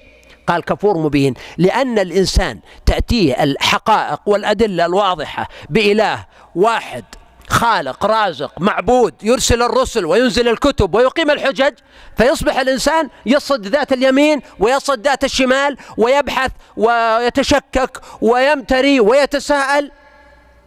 وإذا جاءت أساطير وأوهام وأكاذيب وجدت من الناس من يتقبلها ويتلقفها ويتشربها ويؤمن بها ويصر عليها. فهذا هو كفور مبين. أم اتخذ مما يخلق بنات؟ يعني هذا الآن سبيل يعني نقض هذه الأكذوبة الموجودة عندهم. أم اتخذ مما يخلق بنات؟ قال اتخذ. كلمة اتخذ يعني حتى يعني يقطع عليهم أي سبيل للتأويل لأنه ممكن يجي واحد منهم يقول والله ترى الملائكة إحنا ما نقصد أنهم مخلوقين من, من ربنا أو أنهم منفصلين من ربنا ولكن الله يعني جعلهم له أبناء أو اختارهم أبناء له. مثل ما قالوا لما آه، أنكر عليهم موضوع العبادة قالوا ما نعبدهم إلا ليقربونا إلى الله زلفى. فأراد الله أن يقطع عليهم أي احتجاج في هذا السبيل فجاء بكلمة أم اتخذ مما يخلق؟ بأي طريقة تزعمونها. كيف يكون؟ الله سبحانه وتعالى اتخذ مما يخلق بنات وأصفاكم بالبنين. والمقصود هنا أصفاكم يعني جعل لكم الصفوة الشيء الأفضل في نظركم والأحسن في آه، نظركم. ولذلك ويجعلون لله ما يكرهون وتصف ألسنتهم الكذب أن لهم الحسنى وقال سبحانه أصفاكم بالبنين؟ واتخذ من الملائكة إناثا إنكم لتقولون قولا عظيما. كيف الله تعالى يعطيكم من الذرية أولادا وبنات؟ كما قال يهب لمن يشاء إناثا ويهب لمن يشاء الذكور أو يزوجهم ذكرانا وإناثا. ويختار لنفسه الجنس الذي أنتم تقولون إنه جنس أضعف وهو فعلا جنس أضعف من جهة الضعف لأنه الملائكة الله تعالى خلقهم للمهمات. ملائكة للجنة وملائكة للعذاب وملائكة للوحي وملائكة للمطر وملائكة للخصف وهكذا. والله تعالى وصف الملائكة بإيش؟ إنهم عباد مكرمون. وقال لا يعصون الله ما أمرهم ويفعلون ما يؤمرون. إذا الملائكة يتميزون بإيش؟ بإيش؟ غير الطاعة. القوة. يتميزون بالقوة والقدرة على ما كلفهم الله تعالى به.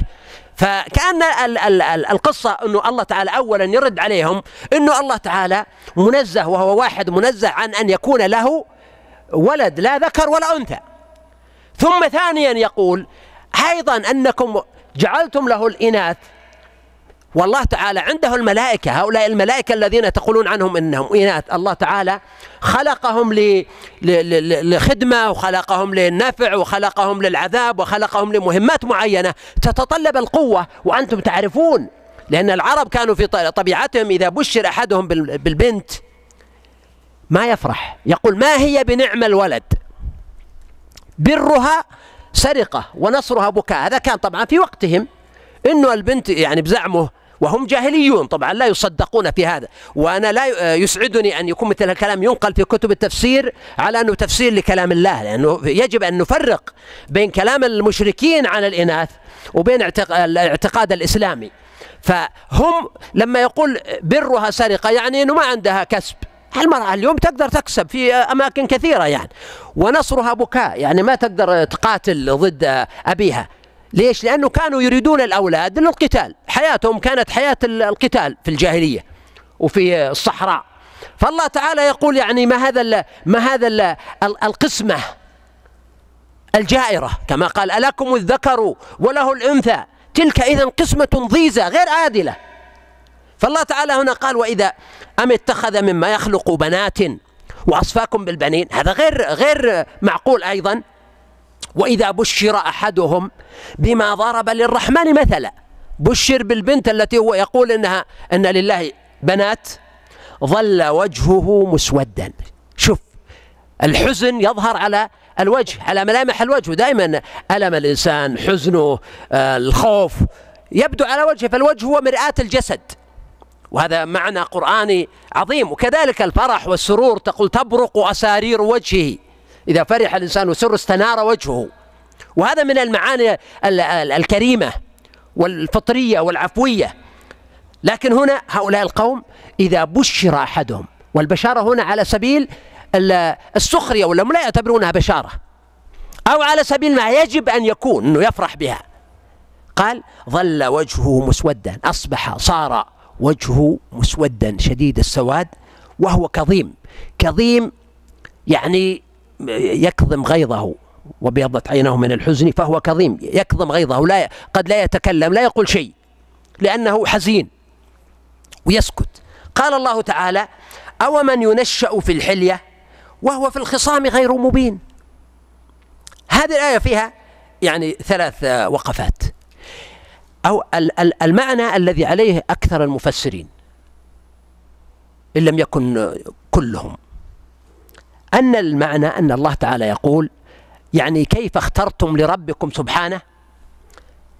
الجنس الذي ينشأ وفي قراءة ينشأ يعني يربى منذ صغره في الحلية يعني في الحلي. ولذلك البنت أول ما تولد وش تسوي لها؟ نخرق أذنيها من أجل وضع السخاب والذهب في أذنيها وبعضهم يخرق خشمها. أنفها. وهكذا يعني منذ الطفولة والصغر والبنت يعني تحب الحلي وتتربى عليه وتربى عليه. طيب إذا قوله أم أو من ينشأ اخترتم لربكم سبحانه من منذ طفولته وصغره ينشأ في الحلية لأن مهمته جمالية في الحياة. بعض العلماء والمفسرين قالوا لأن هذا دليل على أن المرأة ناقصة الجمال فتكمل جمالها بإيش؟ بالذهب وهذا لا أرى له داعي يا أخي. المرأة يعني الجمال التي الذي وضع الله فيها واضح وميزة للمرأة. جمال المرأة في عينيها جمال المرأة في شعرها جمال المرأة في رقتها ونعومتها لكن المرأة ما خلقت للحرب والضرب والقتال والصراع كالرجل. فلذلك ما لا داعي لأن نقول والله أن الحلي يكمل نقص المرأة. ما هذا كلام أرى أنه زايد يعني ما له ما له لزوم يعني. ولكنه دليل على أن للمرأة أن تتحلى وأن هذا يعني جائز وقائم في شريعة الله سبحانه وأنها من طبيعة الأنثى وليس لائقا بالرجل. قال سبحانه وهو في الخصام غير مبين يعني الأنثى أنها في الخصام والمجادلة لا تبين خاصة لما يكون الموضوع يعني ليس الموضوع منطق. المرأة قد يكون لديها حجج منطقية لكن لما يكون الموضوع الخصام ترتفع فيها الأصوات ويكون فيه صخب ويكون فيه آه، ضجيج وأحيانا يكون فيه مد الأيدي لأنه كما قال ربنا سبحانه هذان خصمان اختصموا في ربهم. هذا نزلت في أهل بدر. إذا الخصام ليس مجرد كلام مرتب وحجج منطقية تقول أن المرأة تقدر عليها مثل أو, أو نحو ما يقدر عليها الرجل. لا الخصام هنا يكون فيه صياح وفيه صراخ وفيه لجج وفيه خصومات وفيه آه، كلام يعني آه، أو يكون فيه مد للأيدي وضرب وما أشبه ذلك. فهذا مما لم تكن طبيعة المرأة مناسبة له. هذا معنى. المعنى الثاني طبعا هذا المعنى كما قلت عليه أكثر المفسرين أو كلهم. المعنى الثاني أن يكون قوله سبحانه وإذا آه، أو من ينشأ في الحلية يرجع إلى الأصنام. لأن الأصنام تحلى عندهم. كانوا يحلون الأصنام يضعون فيها عليها شيئا من الحلي كما هو معروف عندهم وفي كتبهم. و و وفي الخصام غير مبين يعني أنه لا يتكلم ولا ينطق. وهذا المعنى ضعيف يعني فيما يظهر لي. والوقفة الثالثة والاحتمال الثالث أن يكون هذا الكلام من كلام أحدهم إذا بشر بالأنثى. يعني إذا بشر أحدهم بالأنثى اسود وجهه وأصبح كظيما وقال يعني كيف أرزق؟ أو, أو هل بشرتموني؟ أو قد بشرتموني؟ بمن ينشأ في الحلية وهو في الخصام غير مبين لأنه كان يريد ماذا؟ يريد ذكرا. وهذا أيضا معنى في بعد. ولعلي أقول لكم لم أجد من, من ذكره ولكنه وارد مع السياق والمعتمد. والله أعلم هو الأول. أن المقصود أن الله تعالى يقول لهم كيف اخترتم لربكم الجنس الضعيف؟ وهو مهمة الملائكة مهمات ضخمة اخترتم لها من ينشأ في الحلية وهو في الخصام غير مبين. وجعلوا الملائكة الذين هم عباد الرحمن إناثا. لا زال الآن في مجادلة معهم أنه كيف تجعلون الملائكة الذين هم عباد الرحمن إناثا. وفي قراءة الذين هم عند الرحمن. فقول عباد الرحمن يعني يعبدون الله تعالى. وهذه عبودية خاصة. كما قال وقالوا اتخذ الرحمن ولدا سبحانه بل عباد مكرمون لا يسبقونه بالقول. فهنا عباد الرحمن وصف إيجابي وصف ثناء خاص عليهم ليس مطلق العبودية التي يدخل فيها كل الناس وإنما هو عبودية فيها تمييز وتخصيص وتقريب لهم. فهؤلاء الملائكة الذين هم عباد الرحمن أو عند الرحمن كما في قوله ومن عنده لا يستكبرون عن عبادته ولا يستحسرون. أيضا هذا إشعار بالقدسية والقرب وأنهم في في في السماء عند الله سبحانه فكيف تصفونهم؟ بهذا قال الله تعالى عن مثل هذه الدعوة قال أشهدوا خلقهم؟ هل عندهم دليل حسي دليل مادي؟ هم رأوا ذلك بأعينهم؟ ما حدث هذا؟ لأن السماوات محفوظة. وحينما آه، رفع النبي صلى الله عليه وسلم يوم المعراج وقال جبريل جبريل قال من معك؟ قال محمد. قالوا وقد أرسل إليه؟ قال نعم. ففتحوا له وقال مرحبا به ونعم المجيء. جاء. إذا عالم السماوات عالم محفوظ. الملائكة لا يدخلونه إلا بإذن. والأنبياء لا يدخلونه إلا بإذن من الله سبحانه وتعالى ومن أنبياء ملائكته. فكيف أنتم اطلعتم وذهبتم ورأيتم الملائكة أنهم بهذا الصفة أو رأيتم خلقهم؟ قولوا أشهدوا خلقهم. يحتمل معنيين طبعا. يعني هل رأيتموهم حين كانوا يخلقون؟ هذا معنى. المعنى الثاني هل شاهدتم خلق صفتهم يعني؟ خلقهم يعني صفتهم يعني أنت شفت الملائكة؟ هذا المعنى. أنت شفت الملائكة أنهم إناث يوم أنك تقول حلو تدخل. شوف الآن مثلا آه، كثير من ال ال الأفلام التي تقدم ملائكة أو آه، الكرتون الأطفال أو الصور في النت تدخل. أنا مرة سويتها. كل كل الصور التي يقدمونها للملائكة هي صور إناث. يعني هذه أصبحت ثقافة أسطورية عالمية. حتى الصغار يتلقونها تلقى مثلا له جناحين وتلقاه جميل لكن أنثى فهذا من آثار الشرك والوثنية. الله تعالى هنا قال أشهدوا خلقهم؟ عندهم دليل مادي. ستكتب شهادتهم. يعني إشارة إلى أن مثل هذه الأمور أمور غيبية لا يجوز للإنسان أن يرجم فيها بغير دليل أو بغير حجة. وما يقوله هو عبارة عن شهادة وقد يكون هذا على سبيل السخرية بهم. أنه الشهادة من وين؟ شهادة على إيش؟ ما رأوا ولا سمعوا. وإنما هو ادعاء أجوف. ويسألون سوف يسألون عما قالوا. إذا ليس كلام يطير به الهوى كما يقول بعضهم أو يردده الإنسان يقول والله ما أدري سمعت الناس يقولون شيئا فقلت لا سوف يسألون. وقالوا لو شاء الرحمن ما عبدناهم. من هم ما عبدناهم. من هم الملائكة. هذا قول. قال بعض المفسرين أن المقصود الملائكة. لأن السياق سياق الملائكة ولكن الراجح أو الصحيح أن الضمير يرجع للأوثان لأن يعني السياق الآن انتهى من أمر الملائكة. نعم كان هناك من العرب قبيلة يقال لهم بنو المليح يعبدون الملائكة لكنها قليلة وليس مشهور هذا عندهم قليل جدا وإنما غالب العرب إيش كانوا يعبدون؟ أصنام اللات والعزى ومنات وكانت موجودة في الكعبة وفي ال عند ال الصفا وعند المروة وفي الطائف ومنات وغيرها. كانت كل قبيلة من العرب عندها صنم وفي كتاب اسمه الأصنام للكلبي مطبوع. فغالب العرب ما كانوا يعبدون الملائكة ولم يكن هذا مشهورا عندهم إنما كانوا يعبدون الأصنام. والأصنام في الغالب من حجارة كانوا يعبدونها. كانت تماثيل من حجارة. وقد يحدث أن بعضهم يجثو جتوة من تراب ثم يحلب عليه الشاة ويعبده. أو أنه مثلا يأكل التمرة فإذا جاع أكلها. يعني هذه وثنية مفلوتة ولكن غالب الأمر كان عبادة الأصنام. ولذلك قول سبحانه وقالوا لو شاء الرحمن ما عبدناهم هذا رجع لمحاجتهم على عبادة غير الله الأولى يعني. وليس على موضوع الملائكة. وهذا شيء عجيب. هذه من حججهم أيضا الآن ومجادلاتهم وضلالاتهم أنهم يقولون يصرون على عبادة الأصنام وإذا قيل لهم قالوا لو, لو شاء الله ما عبدناهم. الله أراد لنا هذا. وشوف هنا هم خلطوا بين شيئين.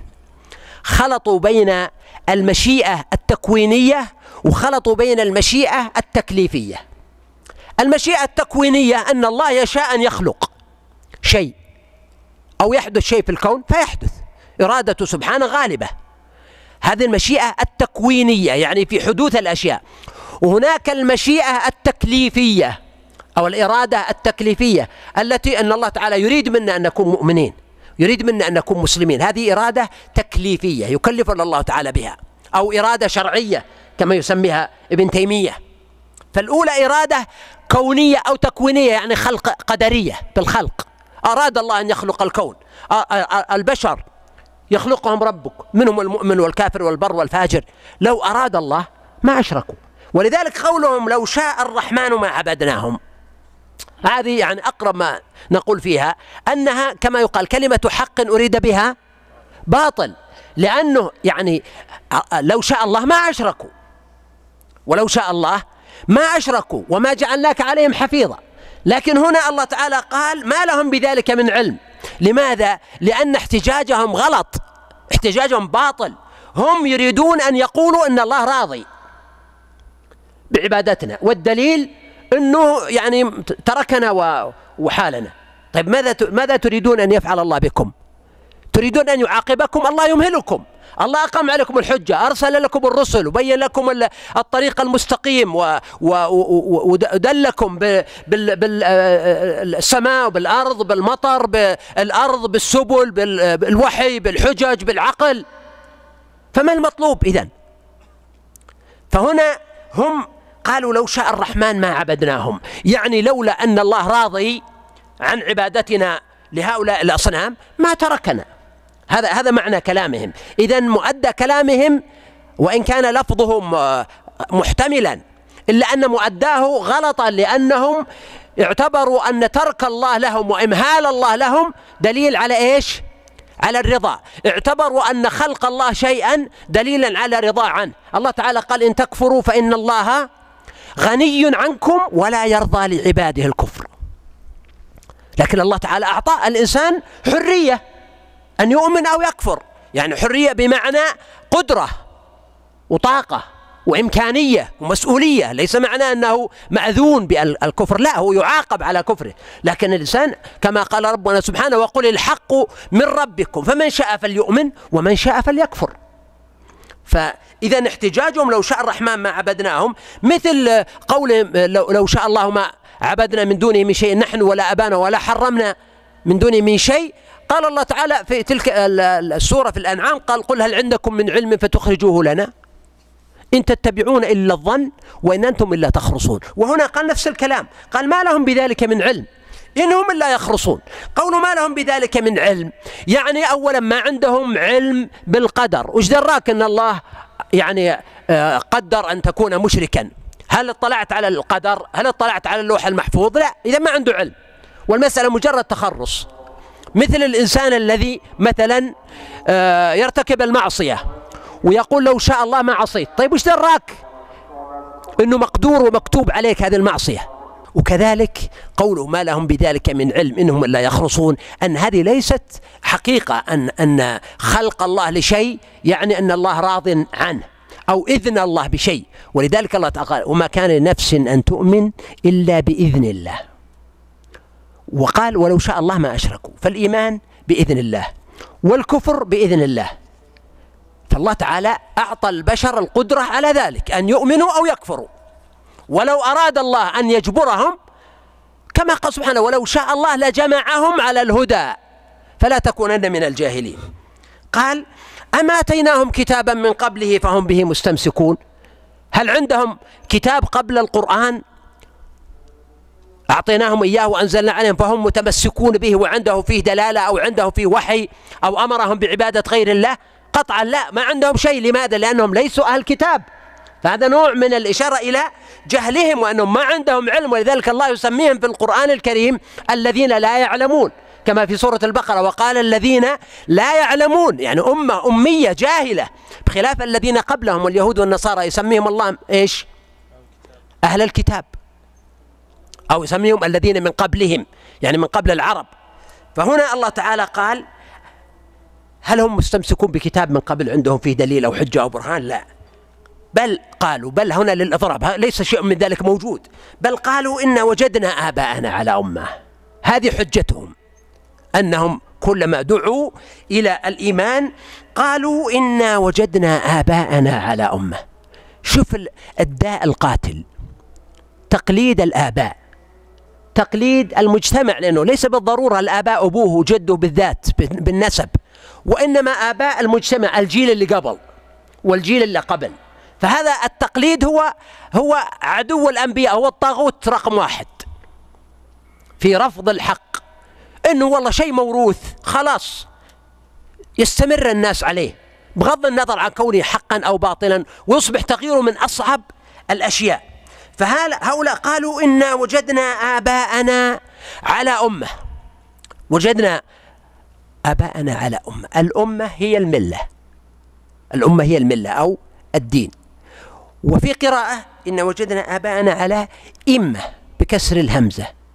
يعني إحنا نقول بالعامية يمة. أنت على يمة صح؟ يعني واحد مثل مسك طريق ومو مية بالمية. ووقف يسألك قال يا أخي أنا أبحث عن مثلا طريق الرياض. وين هو؟ تقول له أنت على يمة يعني على صواب. هذا هذا الطريق هذا الوجهة يعني على وجهة. هذا صحيح؟ يمة يعني إمة. إذا على أمة أو على إمة إما على ملة ومذهب ودين أو على مقصد وأمر وجدنا عليه آباءنا وإنا على آثارهم مهتدون. هذول العرب يقولون العرب يقولون وجدنا آباءنا على أمة ونحن على آثارهم مهتدون. إحنا على آثارهم تبع لهم. وأيضا نحن مهتدون عبروا بالهداية. يزعمون أنهم مهتدون وأنه على صواب وعلى طريق مستقيم. فعندهم نوع من الإصرار والتعصب لما كان عليه ولذلك لم يجدوا فيما يقول عن الرسول صلى الله عليه وسلم أكثر من أنه يخالف ما كان عليه الآباء والأجداد. فهم قالوا مهتدون. ثم الله سبحانه وتعالى بين أن هذا ليس خاصا بهم وإنما هي شنشنة موجودة عند غيرهم. قال وكذلك ما أرسلنا. هذه هي السنة الإلهية. هذا الناموس. أنه ما أرسلنا من قبلك في قرية من نذير. لاحظ هذا التعميم الشامل. كل الأنبياء سمعوا الكلمة نفسها. كل الأنبياء سمعوا الكلمة نفسها. وأرجع لأؤكد أن عملية الإصلاح. ونقل الناس عما هم عليه أمر صعب وشديد ويحتاج إلى صبر ومصابرة وإخلاص وصدق وطول نفس. قال ما أرسلنا من قبلك في قرية من نذير إلا قال مترفوها. قالوا نفس الكلام. قالوا إن وجدنا آباءنا على أمة وإن على آثارهم مقتدون. المرة ذي قالوا مقتدون. لم يقولوا مهتدون. ليش؟ لأن الأولين كان كلام أمة واحدة وهم العرب. إن العرب لما جاءهم النبي صلى الله عليه وسلم قالوا نحن على آثارهم مهتدون. لكن الآن هنا انتقل إلى قاعدة عامة تكلم عن الأمم كلها. فكان خلاصة ما قالت الأمم مختلفا. يعني كل أمة قالت كلام مختلف لكن يجمعه أنهم يقولون أننا تابعون ومقتدون لآبائنا وما كانوا عليه. فأتى بتعبير عام وروى أو ذكر بالمعنى ما قالته الأمم السابقة لأنبيائها. والشيء الغريب الغريب حقا أنه قال إلا قال مترفوها. إذا العوام دائما إيش؟ تبع. شوف الإعلام. يصوتهم يمين يصوتهم شمال يكذب الإعلام تتفق مثلا مجموعة من القنوات الفضائية على أكذوبة وترويها وتستضيف ناس وتقابل معهم وتتحدث فتجد أن هذا حديث الشارع بعد ذلك وينقلب الحق باطلا. ولا يخرج فيلم في الشرق أو في الغرب يتكلم عن الإسلام أو عن التاريخ أو عن العرب أو عن حادثة معينة أو عن الإرهاب.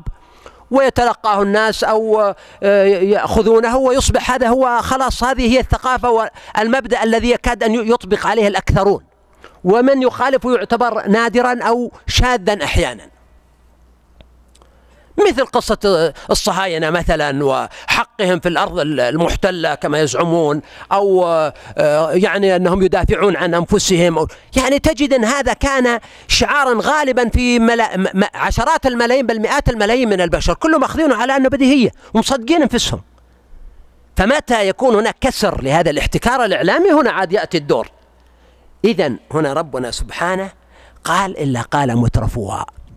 القصة ليست في رجل الشارع العادي البسيط اللي يمكن تاخذه شمال أو تاخذه يمين. القصة في المترفين. المترفين ممكن تقول رجال المال والأعمال أحيانا. اللي يملكون القنوات يملكون الوسائل يملكون الأدوات. أي ها؟ أي المترفون أيضا المترفون يعني ليش المترفون مستفيدون؟ شبعانين. وبطونهم مليانة وجيوبهم مليانة وبخير ومنعمين.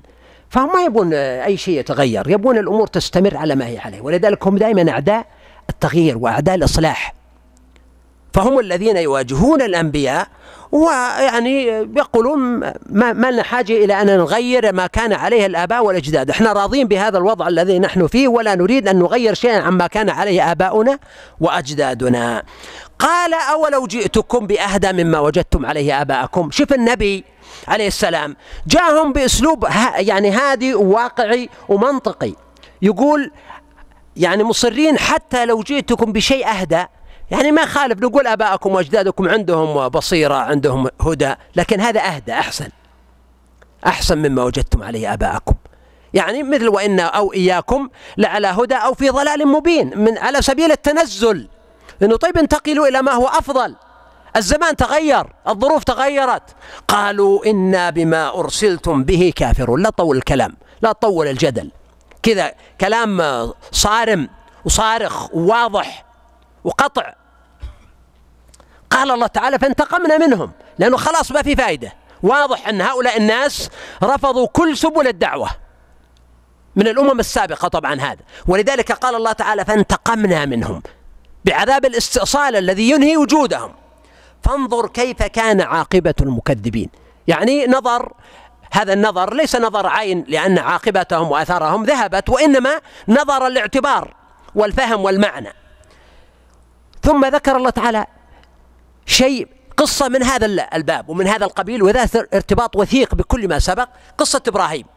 إبراهيم عليه السلام العرب من ذريته وما دام يقولون آباءنا ويدعون الأبوة والأجداد طيب هذا أبوكم. مؤمن حنيف موحد. وكان يعني العرب يعرفون هذا ويوجد فيهم الموحدون مثل يعني آه، كثير من الذين كانوا يعبدون الله عذت بما عاذ به إبراهيم مستقبل الكعبة وهو قائم يقول أنفي لك عان راغم مهما تجشمني فإني جاشم وبناء البيت. وكان هناك أمية بن أبي الصلت وهناك آه، يعني زيد بن عمرو بن نفيل وموحدون كانوا موجودين. فهذه قصة إبراهيم. الشيء الثاني أيضا أن العذاب الذي نزل بالأمم هذا نموذج له. فالله تعالى قال وإذ قال إبراهيم لأبيه وقومه شف الآن إبراهيم يحاول إصلاح أبيه ليس يقول أني على مذهب أبي وما كان علي أبي فأنا مهتدي ومقتدي به لا. هكذا يكون التغيير والإصلاح. أن يكون إبراهيم وهو فتى صغير يرفض ما كان عليه أبوه آزر وعمه وجده وقبيلته وأسرته في العراق يرفض ما كانوا عليه من الشرك ويخاطبهم مباشرة يقول لأبيه وقومه إنني براء. براء يعني بريء مما تعبدون. من الأوثان إلا الذي فطرني. وهنا يحتمل أن يكون الاستثناء في قولي إلا الذي فطرني. يحتمل أن يكون متصلا بمعنى أنهم كانوا يعبدون الله ويؤمنون به ويعبدون معه غيره. ويحتمل أن يكون منقطع بمعنى أنه يقول لهم أنا براء مما تعبدون لأنهم كانوا يعبدون الأوثان ولكن سأعبد الذي فطرني. ومما يرجح المعنى الثاني أن الاستثناء منقطع وأنهم يعني كانوا يعبدون الأوثان. قصة إبراهيم مع يعني مع التوحيد. فلما جن عليه الليل رأى كوكبا قال هذا ربي فلما رأى القمر بازغا قال هذا ربي فلما رأى الشمس بازغة قال هذا ربي. فلما أفلت قال يا قوم إني بريء مما تشركون إني وجهت وجهي للذي فطر السماوات والأرض حنيفا. إذا إبراهيم عليه السلام يعني خرق هذه القاعدة قاعدة إن وجدنا آباءنا على أمة وضرب بدعوة التوحيد بين ظهرانيهم وقالها صريحة قوية أنني براء مما تعبدون. ما في مجاملة ولا في ملاطفة في موضوع التوحيد. والإيمان بالله سبحانه وتعالى إطلاقا. إلا الذي فطرني فإنه سيهدين. ومرة أخرى قال الذي خلقني فهو يهدين. يعني معناها سيهديني. فالله تعالى هو الذي هداه إلى هذا التوحيد وهو الذي سوف يزيده هدى. قال الله تعالى وجعلها كلمة باقية. يعني إبراهيم جعل هذه الكلمة باقية. أو الله تعالى جعلها. لكن الأقرب أن إبراهيم عليه السلام حرص على تربية أولاده وأحفاده وجعلها كلمة باقية. ما هذه الكلمة الباقية؟ الكلمة الباقية هي قول إنني براء مما تعبدون إلا الذي فطرني. يعني كلمة لا إله إلا الله. لأن كلمة إنني براء مما تعبدون معناه لا إله. وقوله إلا الذي فطرني معناها إلا الله. فتبرأ من الآلهة كلها وأثبت الوحدانية والعبودية لله تعالى وحده. فهذه الكلمة العظيمة كلمة التوحيد كان إبراهيم يعتني بها ويوصي بها. إبراهيم بنيه وصى بها إبراهيم بنيه ويعقوب يا بني إن الله اصطفى لكم الدين فلا تموتن إلا وأنتم مسلمون. وإذا كانوا بنيه كذلك يوسف عليه السلام مثلا لما كان في السجن قال واتبعت ملة آبائي إبراهيم وإسحاق ويعقوب. ما كان لنا أن نشرك بالله من شيء ذلك من فضل الله علينا وعلى الناس. فكان أبناؤه وأحفاده من بعده يتوارثون التوحيد. والشيخ ابن عاشور رحمه الله صاحب كتاب التحرير والتنوير يعني حاول أن يقول أن والدي النبي صلى الله عليه وسلم كانوا ممن ورث التوحيد وتوارثه سرا يعني عمودي النسب. بالنبي صلى الله عليه وسلم أم أمه وأبوه يعني أنهم توارثوا التوحيد حتى وصلوا إلى النبي صلى الله عليه وسلم وله في ذلك بحث ولكن هذا الكلام ليس محكما ليس بحثا محكما في هذا الباب. المهم جعل إبراهيم عليه السلام هذه الكلمة الإيمانية التوحيد جعلها كلمة باقية في عقبه لا يزال في ذرية إبراهيم من يعبد الله ولا يشرك به شيئا. قال لعلهم يرجعون. يعني لعل من ظلوا من عقبه. يعني في كل عصر مجموعة من ذريته يعبدون الله ويوحدونه. لعل أولئك الذين شطت بهم السبل وعبدوا غير الله لعلهم يرجعون. ويستمعون إلى نصح الناصحين وتوحيد الموحدين. قال الله تعالى بل متعت هؤلاء وآباءهم الذين يواجهونك يا محمد من قريش ويرفضون دعوتك هؤلاء ممن متعتهم متعهم الله. يعني مد لهم أمهلهم. وهم من ذرية إبراهيم. وأبائهم من قبلهم أيضا. حتى جاءهم الحق أن الله تعالى أمهلهم لم يعاقبهم لم يستأصلهم وإنما متعهم الله. وجعلهم يحيون ويعيشون ويتوارثون ويتناكحون ويتوالدون حتى يعني جاءت هذه اللحظة التي أذن الله تعالى فيها بأن تتفتح السماء للوحي. فجاءهم الحق وهو القرآن. ورسول مبين وهو النبي صلى الله عليه وسلم. رسول مبين بين النذارة حجته واضحة آه، ليس على آه، دعواه غبار. لم يكن من أبائه أو أجداده من ملك. كل الحجج معه قائمة. ومع ذلك لما جاءهم الحق قالوا هذا سحر وإنا به كافرون. فرفضوه ووصفوا بأنه سحر وأصروا على الكفر به وقالوا لولا نزل هذا القرآن على رجل من القريتين عظيم. يعني جاءهم الحق ورسول مبين.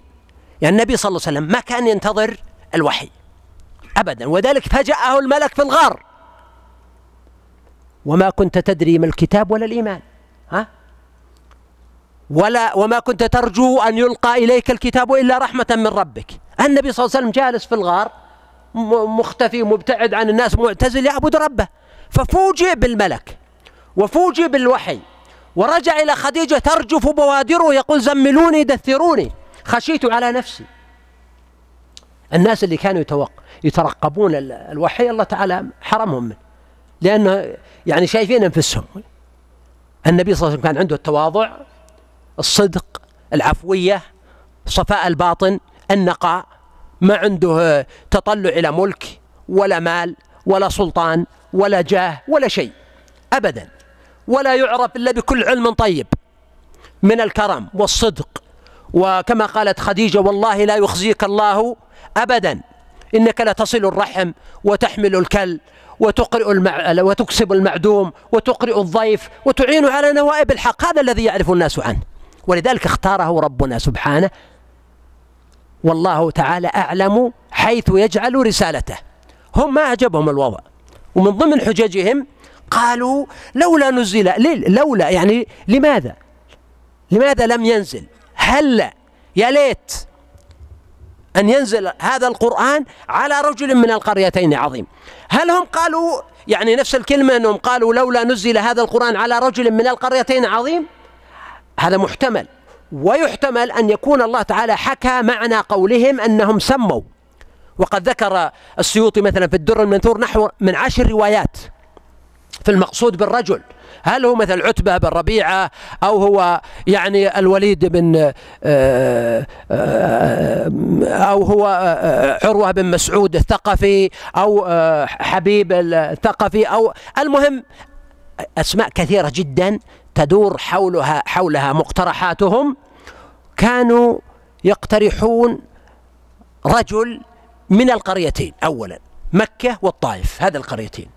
مكة تسكنها قريش والطائف تسكنها ثقيف. إذا هم يدورون حول قضية القبيلة يريدون من كل قبيلة أو من إحدى القبيلتين العزيزتين شخص يكون عظيم.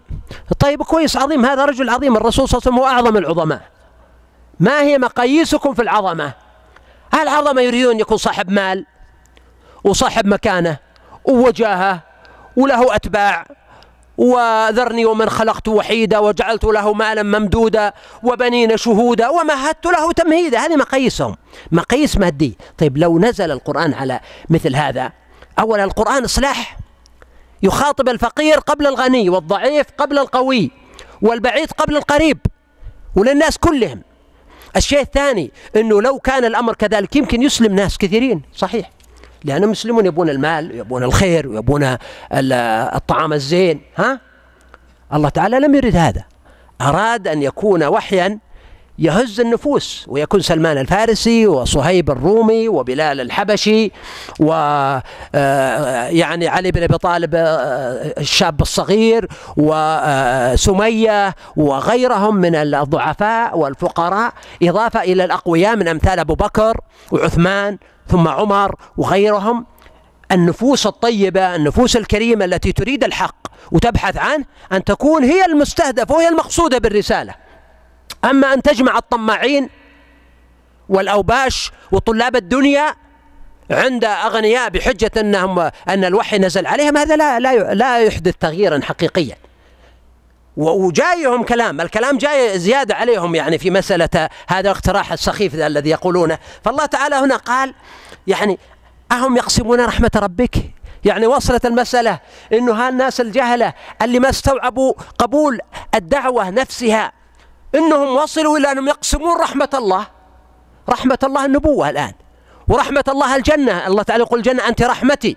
فالناس الآن يعني كبروا وتعاظموا واستكبروا في نفوسهم وعتوا عتوا كبيرا إلى حد أنهم هم يتدخلون يقسمون رحمة الله ويقترحون على الله من يختار للرسالة؟ شيء عجيب يعني. قال الله تعالى نحن قسمنا بينهم معيشتهم في الحياة الدنيا. يقول الله أنا اللي قسمت بينكم معيشتكم في الحياة الدنيا أرزاقكم وأموالكم. أنا قسمتها بينكم. يقول ربنا سبحانه وأغنيت هذا وقد يكون الغني آه، ضعيفا. لا يحسن التصرف لكن الله تعالى يعطيه رزق. وقد يكون الغني بخيلا أو يكون الغني سيئا أو كافرا وقد يكون الغني مؤمنا وتقيا وكريما وفاضلا. هذا ليس بابا. نحن نعرف كثير من الأغنياء. تستغرب تقول كيف حصل على المال؟ لأنه بعض الناس مثل ما يقولون عندنا في العامية يقول ما يفك عشاء نلبس واحد كان حضرته الوفاة وجلس يبكي. قالوا ورك تبكي. الحمد لله أولادك رجال قال والله ما عيالي كلهم ما همون إلا فلان. فلان هذا لو أقول له روح جيب لي ماء من القربة ما يدبر حاله. ومات الرجل وصار هذا الولد هو أغناهم ملياردير. وينفق على الجميع. فالقصة الله تعالى يقول نحن قسمنا بينهم معيشتهم.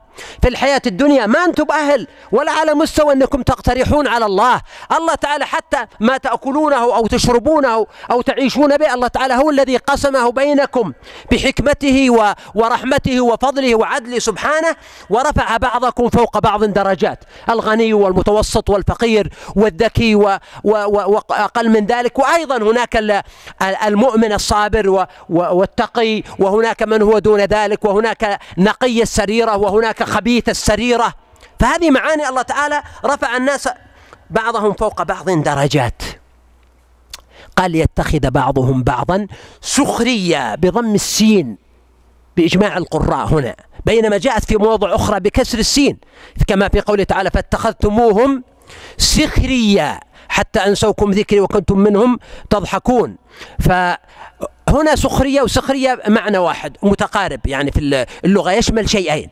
يشمل التسخير. إنه الله يسخر بعضهم لبعض والتسخير هنا مو بخاص بأحد. يعني أنا مسخر لك لأنني أقوم بأعمال أنت تحتاجها وكذلك أنت مسخر لي لأنك تقوم بأعمال أنا أحتاجها. فهكذا تقوم المجتمعات. إنه كل أحد يقوم بما يحتاجه الآخرون فيقع التكامل بذلك. هذا معنى التسخير.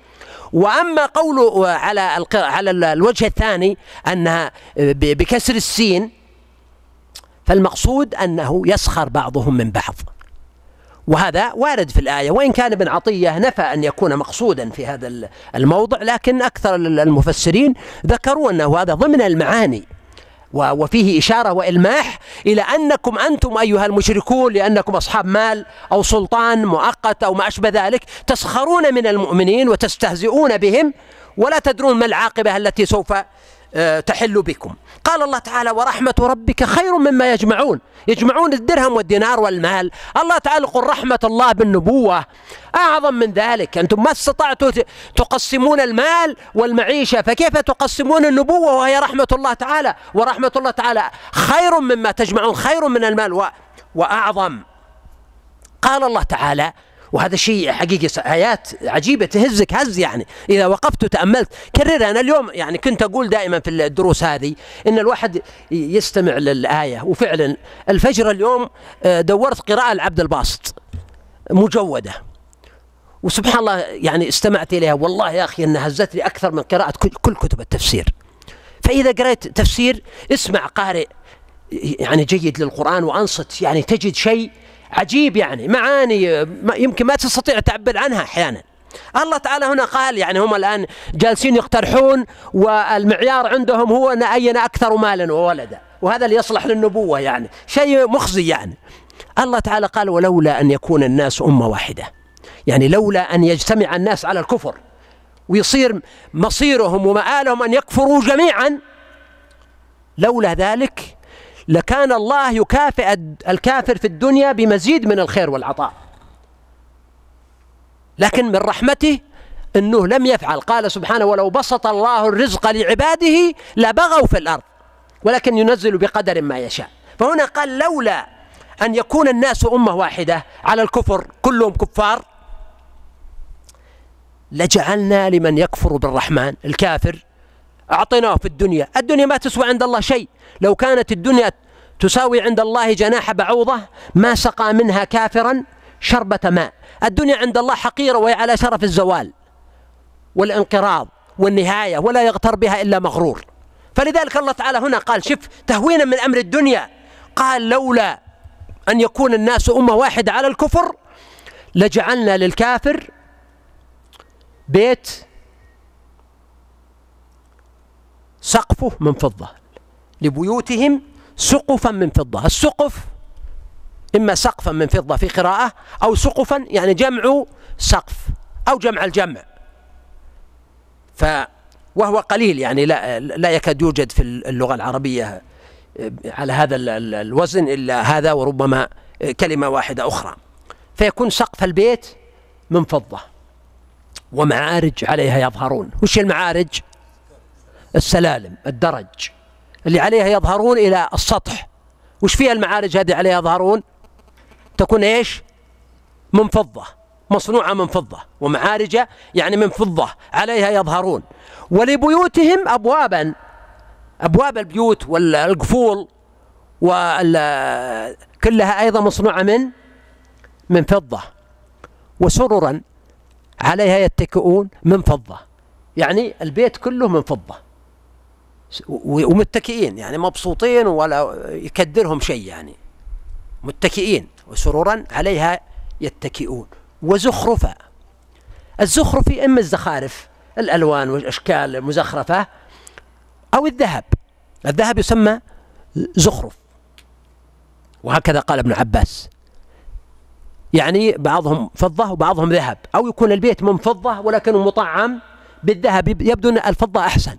الفضة لونها أبيض ولماع وجميل والفضة تكون عاكسة للأضواء وفيها معاني جميلة في الاستخدام ولذلك تستخدم آه، أكثر من الذهب في مثلا في آه، الباصات يسمونها تذهب الأتوبيسات التي تذهب للفضاء وغيرها. فهي تستخدم أكثر من الذهب. والذهب يستخدم أيضا في بشكل معين. فلولا أن يجتمع الناس على الكفر لجعل الله للكافر هذا البيوت. إلى هذا الحد يعني ما هو فقط أنه عنده فضة في بيته ولا في خزانته وإنما حتى بيته نفسه من فضة وذهب وزخرفا. وكل ذلك ما ينفع وإن كل ذلك لما متاع الحياة الدنيا. المعنى وما كل ذلك إلا متاع الحياة الدنيا. إن هذه نافية وما كل ذلك إلا لما يعني إلا؟ وما كل ذلك إلا متاع الحياة الدنيا. قليل. قل متاع الدنيا قليل. ولذلك كان ابن السماك يقول رحمه الله من الواعظين المؤثرين كان يقول الدنيا قليل. ولم يبق من الدنيا إلا قليل. ونصيبك من الدنيا أو نصيبك من هذا القليل قليل. ولم يبقى من قليلك ومن نصيبك إلا قليل.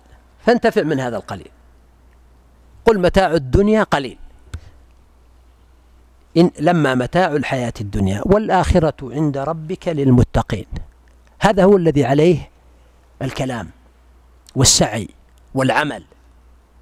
وربما فقير أشعث أغبر ذي طمرين لا يؤبه له غداء يطرد عشاء ومع ذلك هو عند الله تعالى من أصحاب الدرجات العلى في الجنة.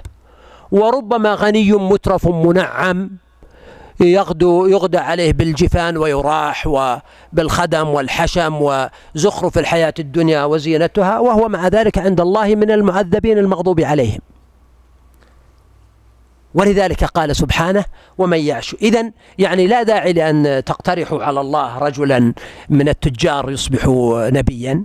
وأرضوا بقسمة ربكم سبحانه. قال عز وجل ومن يعش عن ذكر الرحمن نقيض له شيطانا. هم كانوا يتواصون فيما بينهم بذلك ويسمع بعضهم من بعض. فالله تعالى بين الآن هذا الواقع وقال ومن يعش عن ذكر الرحمن. يعشو العشاء. يعني لما تقول فلان عشي أصيب بالعشاء مرض العشاء وهذا مرض يصاب يعني نتيجة ضعف البصر صح؟ وغالب الأمراض في اللغة تجي عشي مثل مرض مثلا كسر عرج. لكن المقصود هنا في الآية لا مو بهذا. المقصود يعني أن أن ينظر الإنسان نظرا ضعيفا في يعني يشبه نظر الأعشاء. ولذلك يقول متى تأتيه؟ يقول الحطيئة متى تأته تعشو إلى ضوء ناره. تجد خير نار عندها خير موقد. أحيانا الإنسان ما ينظر زين إما بسبب شدة الإضاءة مثلا أو بعد الشيء الذي ينظر إليه أو أنه ما ركز. هذا معنى يعشو. ومن يعشو عن ذكر الرحمن. مو معنى أنه في مرض بعينه أصلا لا. وإنما نظروا كان المقصود أنهم يعني ما نظروا في القرآن ولا اعتبروا وإنما مر عليهم مرور الكرام. الله تعالى يطلب منهم أن يتأنوا وأن يصيخوا أن تقوموا لله مثنى وفرادى ثم تتفكروا ما بصاحبكم من جنة. هذا معنى قولي ومن يعشو. عن ذكر الرحمن يعرض. معناه يعشو يعرض. عن ذكر الرحمن. وهم طبعا يكفرون بالرحمن. ويقولون وما الرحمن ذلك كثر ذكر الرحمن في السورة حتى يطبع هذا المعنى ويقيم عليهم الحجة. نقيض له شيطانا. نسخر له شيطانا من الجن. فهو له قرين. فالإنسان الذي يعرض عن ذكر الله يقيض الله له الشيطان يقول ابن القيم رحمه الله أن سفيان الثوري كان يقول لأصدقائه يعني بجلسة سمر كذا يقول لهم ما تجيبون لي؟ حكمة من حكم العرب إلا أجيب لكم في القرآن دليل عليها. فقال واحد منهم المثل العربي يقول أعط صاحبك تمرة فإن عافها فأعطه جمرة. أين تجد هذا؟ قال قوله تعالى ومن يعش عن ذكر الرحمن نقيض له شيطان. يعني اللي يعرض عن ذكر الله يبتليه الله بالشياطين. نقيض له شيطانا. التقييض يعني يسخر خلاص. قرين هذا. يعني لا يفارقه فهو له قرين. لا يفارقه في منام ينام معه ياكل معه يشرب معه ويسافر معه ويقيم ويضعن. ومتى الفك بس من هذا الشيطان الذي تلبس الإنسان بسبب الإعراض؟ أنا هنا لا أتحدث عن تلبس الجن كما قد يفهم البعض وإنما تأثير الشياطين على عقل الإنسان وعلى تفكيره. وعدم انعتاقه منها قال الله تعالى وإنهم ليصدونهم عن السبيل ويحسبون أنهم مهتدون.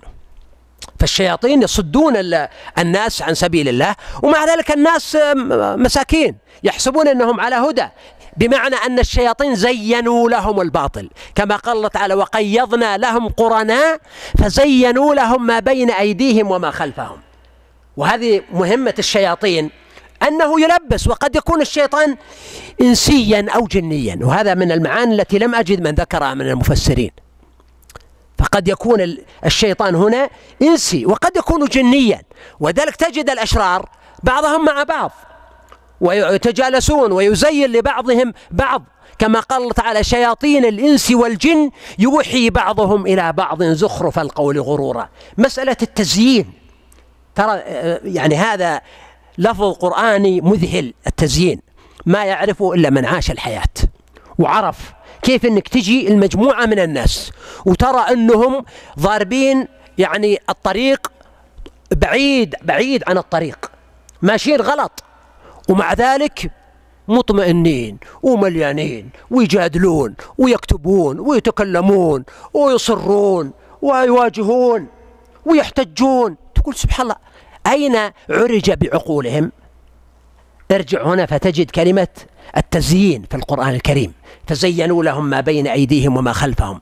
ارجع إلى كلمة نقيض. يعني بعضهم يوحي بعضهم إلى بعض زخرف القول غرورا. يعني مجاميع جروبات معينة. خلاص قال واحد كلمة هم قال الثاني إلا في كذا وجاب الثالث حجة وجاب الرابع وصارت قضية وصارت فكرة. صارت فكرة. وذلك أحيانا تستغرب. كيف تجد ناسا مثلا يقفون مع الصهاينة ضد إخوانهم المسلمين؟ بغض النظر عن كل شيء. تخالف الحماس تخالف الإخوان المسلمين هذا حقك. لكن محتل اترك اترك كونه مسلم. خلصنا من هذه. محتل ظالم وضعيف صاحب حق مظلوم. العقل والفطرة السوية تقتضي إيش؟ تقتضي إنك تقف مع المظلوم ولو كان كافرا ولا لا؟ وتقف ضد الظالم ولو كان مسلما هذه فطر هذه بديهة طيب وين هنا؟ ترجع للتزيين التقييض الزخرفة الوحي يوحي بعضهم إلى بعض والشيطان شيطان الجن والإنس شياطين الإنس والجن نقيض له شيطانا فهو له قرين وإنهم ليصدونهم عن السبيل الطريق المستقيم ويحسبون أنهم مهتدون. سبحان الله. إما يعني يعني كذب وكذب وكذب حتى صدق نفسه. هو نفسه الآن ربما اعتقد أنه مهتدي. لأنه قد يكون معه بعض الحجة أحيانا الضعيفة فيتمسك بها. حتى إذا جاءنا يوم القيامة. وفي قراءة حتى إذا جاءنا. الاثنين. قال الإنسي أو الأول المعرض عن ذكر الله يقول للشيطان الثاني يا ليت بيني يا ليت بيني وبينك. هذا تمني أصل يا حرف ندا لكن تستخدم في التلهف كثيرا. يا ليت يا ليتني قدمت لحياتي. هذا يقول يا ليت بيني أقوى من لو قال ليت بيني وبينك. يعني ليت هذه ضعيفة شوي لكن يقول يا ليت يتطلب ويتطلع يتلهف. يا ليت بيني وبينك. ما قال يا ليت بيننا. حتى بالضمير ما حب انه يجتمع معه. جاب ضمير منفصل. يا ليت بيني وبينك بعد المشرقين. وش معنى بعد المشرقين؟ صح. المقصود بالمشرقين المشرق والمغرب. وهذا في اللغة العربية كثير. يقول لك مثلا المصران البصرتان العمران القمران العشاءان. وش بعد؟ الأسودان الأبوان يعني التغليب يعني يدخل أحدهما في الآخر. مثل الأسودان التمر والماء الماء مو بأسود بس هذا هكذا على سبيل التغليب. فيكون المقصود بالمشرقين هنا المشرق والمغرب وخاصة أنه مغرب الشمس هو مشرق القمر وهذا ذكره الرازي وهو له وجه. يحتمل أن يكون المقصود بالمشرقين يعني مشرق مثلا الصيف ومشرق الشتاء. كلاهما مشرق لكن هذا ضعيف لأنه هو الآن يبحث عن يعني أبعد ما يكون. فبعد المشرقين يعني ما بين المشرق والمغرب كان يقول يعني ليت بيني وبينك أبعد ما يكون من المسافات يعني. فبئس القرين أنت يعني. قال الله سبحانه وتعالى ولن ينفعكم اليوم إذ ظلمتم أنكم في العذاب مشتركون. لا تظنوا أنكم إذا اشتركتم في العذاب في الآخرة أنه يعني آه، آه، أحدكم يسلي عن الآخر شيئا. أن في الدنيا المصيبة إذا عمت خفت كما يقولون. والخنسة كانت تقول فلولا كثرة الباكين حولي على إخوانهم لقتلت نفسي. وما يبكينا مثل أخي ولكن أسلي النفس عنه بالتأسي. ففي الدنيا يصير عندنا وهم. إذا المصيبة نزلت على أكثر من واحد يعني تهون بعض الشيء. أما في الآخرة لا. الله تعالى يقول لن ينفعكم. وأيضا الله تعالى هنا يقول لهم لا تعتذروا. ولا يجي واحد منكم يقول الثاني هو أضلني. كل واحد منكم يتحمل مسؤوليته ويتحمل عذابه. فهذا يتحمل مسؤولية الإضلال وهو الشيطان وذاك يتحمل مسؤولية الاستماع والإعراض عن ذكر الله. طيب يجي واحد يقول الشيطان طيب الشيطان يعذب ويعذب بعدل الله لأن الشيطان اختار طريق الضلال. و و وتمحض لذلك وطريق الإضلال. حتى إبليس نفسه لما رفض السجود لآدم. الله تعالى لما قالوا ما منعك أن تسجد لآدم؟ إيش قال؟ قال أنا خير منه. يعني إذا هو اختار عدم السجود ولا لا؟ وبإرادته وحجته أنه أنا أفضل من آدم كيف أسجد له؟ ما قال أنت قدرت علي ولا أنا مخلوق للشر لا متمحض للشر. إنما صار شيطانا برفض السجود. فهو اختار هذا الطريق. قال الله تعالى للنبي صلى الله عليه وسلم وقد يعني لقي النبي عنت وألم من كثرة التكذيب. قال الله تعالى أفأنت تسمع الصم أو تهدي العمي ومن كان في ضلال مبين؟ يعني هؤلاء صم بكم عمي كما قال الله سبحانه. فهم لا يرجعون لا يعقلون. هنا قال الله تعالى فأنت تسمع الصم أو تهدي العمي؟ قبل قليل الله تعالى قال ومن يعشو يعشو عن ذكر. إذا ما كان عميان ها؟ كان فيه نوع من العشو صح؟ يعني لم يحسن النظر لم يركز. هذا العشو أو النظر الضعيف تحول مع الوقت إلى إيش؟ إلى عمى. سبحان الله هذه الأفعال مع الوقت تصبح ملكات. نرجع إلى كتاب زنزانة العادات. الشر عادة هنا. الشر عادة. إنه في البداية أعرض ثم هذا الإعراض صار ضعف في بصره وبصيرته ثم اعتاد ثم سلط عليه الأشرار والجلساء السيئون ثم أصبح أصم أعمى. تطورت الأمور وأصبحت هذه ملكة مستقرة عند الإنسان. هذا شيء مهم جدا. قال فأنت تسمع الصم؟ يعني لا, لا تحزن عليهم يا محمد.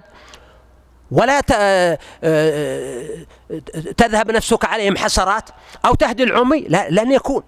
ومن كان في ضلال مبين يعني ليس فقط أصم أو أعمى وإنما الضلال المبين قد أحاط به من كل وجه فهو في ضلال مبين كأن الضلال المبين وعاء وهو فيه.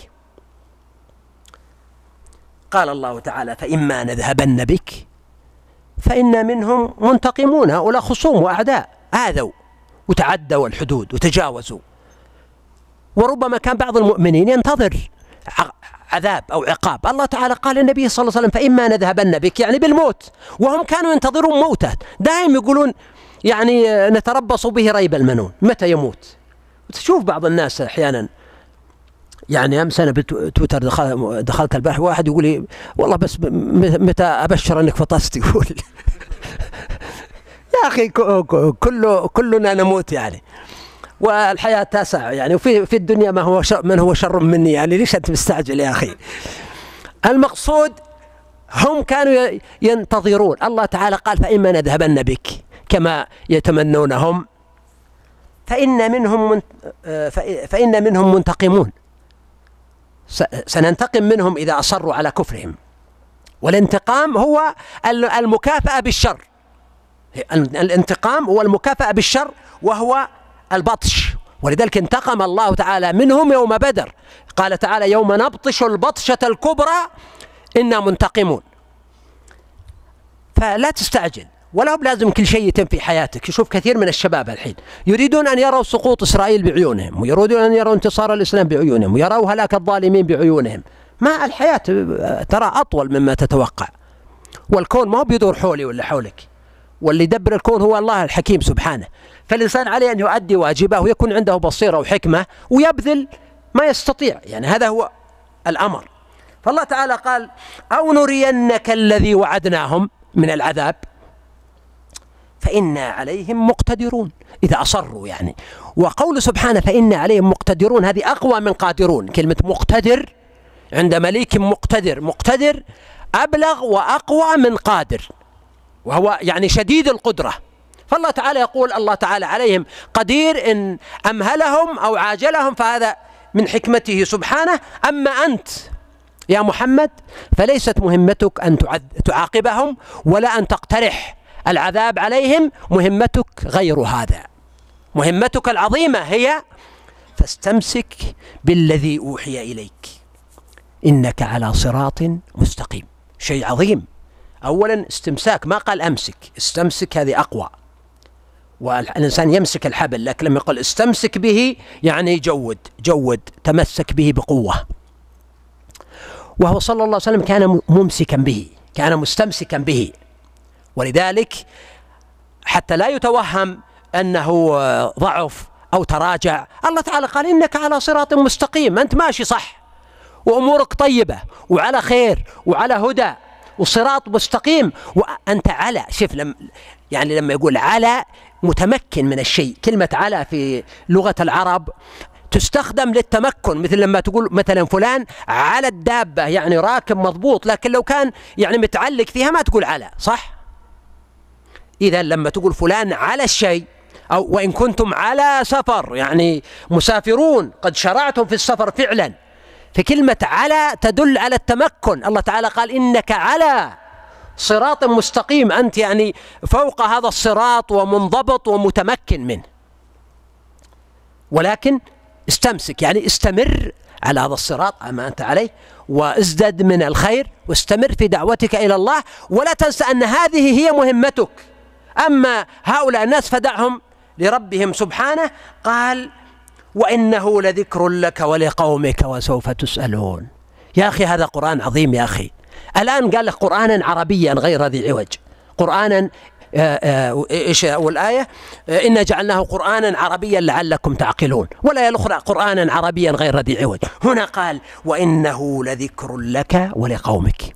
ذكر للنبي صلى الله عليه وسلم. بحيث يذكر اسمه مع الله. الآن أشهد أن لا إله إلا الله وأشهد أن محمدا رسول الله. يعني المآذن في مشارق الأرض ومغاربها تصدح خمس مرات في اليوم والليلة باسم محمد صلى الله عليه وآله وسلم. في ذكر أعظم من هذا؟ في الدنيا ما في. أعظم وأذكر من النبي صلى الله عليه وسلم ما في ورفعنا لك ذكرك. ذكر مع الله سبحانه وتعالى. آه اسمه اسم محمد هو أعظم الأسماء وأكثر الأسماء ترددا في الحياة. تأثيره في الحياة البشرية. لا يقارنه تأثير آخر على الإطلاق. أمته عليه الصلاة والسلام. فهذا ذكر له. وأما في الجنة في الآخرة فشيء لا يوصف ويكفي. قول النبي صلى الله عليه وسلم إن الوسيلة درجة في الجنة لا تنبغي إلا لعبد واحد من عباد الله وأرجو أن أكون أنا هو فمن سأل الله لي الوسيلة حلت له شفاعتي يوم القيامة. فمحمد صلى الله عليه وسلم هو الإنسان رقم واحد في الدنيا وهو الإنسان رقم واحد في الآخرة في الجنة. ما في أعظم من هذا الذكر. ما في أحد ينافسه في هذا المقام. ومع ذلك كان أكثر الناس عفوية تواضع بساطة انكسار لله سبحانه وتعالى يأكل على الأرض ويأكل على وينام على الحصير ويستمع إلى الناس وسم إلا الصلاة على النبي. في يعني في كثير. بس الوقت ذا أقول فيه القصيدة المشهورة بعد؟ وضم الإله اسم النبي إلى اسمه إذا قال في الخمس المؤذن أشهد وضم له من اسمه كي يجله فذو العرش محمود وهذا محمد. المهم يعني هذا ذكر للنبي صلى الله عليه وسلم. ولقومك أيضا هو ذكر لقومك. من قومه؟ قوم قريش. وكان يحبهم صلى الله عليه وسلم. وهو من قريش ولما في خير للبعيد ما في خير للقريب ما في خير للبعيد. وكان يحب هدايتهم. فهو ذكر لهم ولذلك قريش لها ذكر وهي القبيلة الوحيدة التي ذكرت في القرآن الكريم لإلاف قريش. ومكانتهم عند العرب عظيمة جدا حتى كانت الخلافة فيهم ردحا من الزمن. قومه العرب أيضا فهو من العرب صلى الله عليه وسلم. وهو ذكر للعرب وبلسان عربي مبين. والعرب حكموا العالم يعني عشرة قرون أو أكثر بحكم كونهم حملة رسالة. ولا أريد أن أقول عن العرب أكثر من هذا. أيضا قومه آه، ذكر لك ولقومك المسلمون أتباع رسالتك فهو ذكر لهم. ولذلك الله تعالى جعل لهم المكانة والمنزلة قال وسوف تسألون وسوف تسألون. يعني ما هي بالمسألة؟ فقط ادعاء أو فخر وإنما هي مسؤولية لابد أن تتحملوها وتكونون على قد المسؤولية والتبعة وهذا ما لم ينجح فيه العرب على وجه الخصوص الآن. كل شعوب العالم عندها مشروع حتى الشعوب الإسلامية. الشعب التركي عنده مشروع. الفارسي عنده مشروع. إندونيسيا يا أخي اللي نصف نصف الخادمات عندنا من إندونيسيا. إندونيسيا الآن عندهم مشروع ضخم اقتصادي وسياسي ونجاح. غير عادي يمكنكم لاحظتوا الانتخابات قبل شهور. هنا كانت تجرى في السفارة الإندونيسية وغيرها. ماليزيا كذلك. لكن الشعب العربي ضايع ضايع ضايع بدون مشروع. ما ما يدرون والله وينهم رايحين. هذا باختصار شديد يعني. والله تعالى قال وسوف تسألون. ولاحظت أنه هنا الشيخ آه، الإمام ويستحق لفظ الإمام الطاهر بن عاشور في كتاب التحرير والتنوير. لما قرأ الآية ذي وإنه لذكر لك ولقومك سوف تسألون. قال أن الآية ذي فيها عشر أخبار وفصلها تفصيلا جميلا. ثم قال فهي يعني أبلغ وأحسن من قول امرئ القيس قفا نبكي من ذكرى حبيب ومنزلي. فاستكثرت هذه من رجل في مثل قامته ومكانته. يعني كيف نقارن القرآن بكلام امرئ القيس كلام بشر؟ يعني في النهاية الأمر ليس يعني إلا يعني توجع وذكر الأطلال والديار وإلى آخره. صحيح أنه من ناحية البلاغة يستفاد منه لكن لا ينبغي أن يقرن القرآن كلام الله سبحانه وتعالى معانيه العظام بكلام البشر. أخيرا وختاما قال الله تعالى واسأل من أرسلنا من قبلك من رسلنا أجعلنا من دون الرحمن آلهة يعبدون؟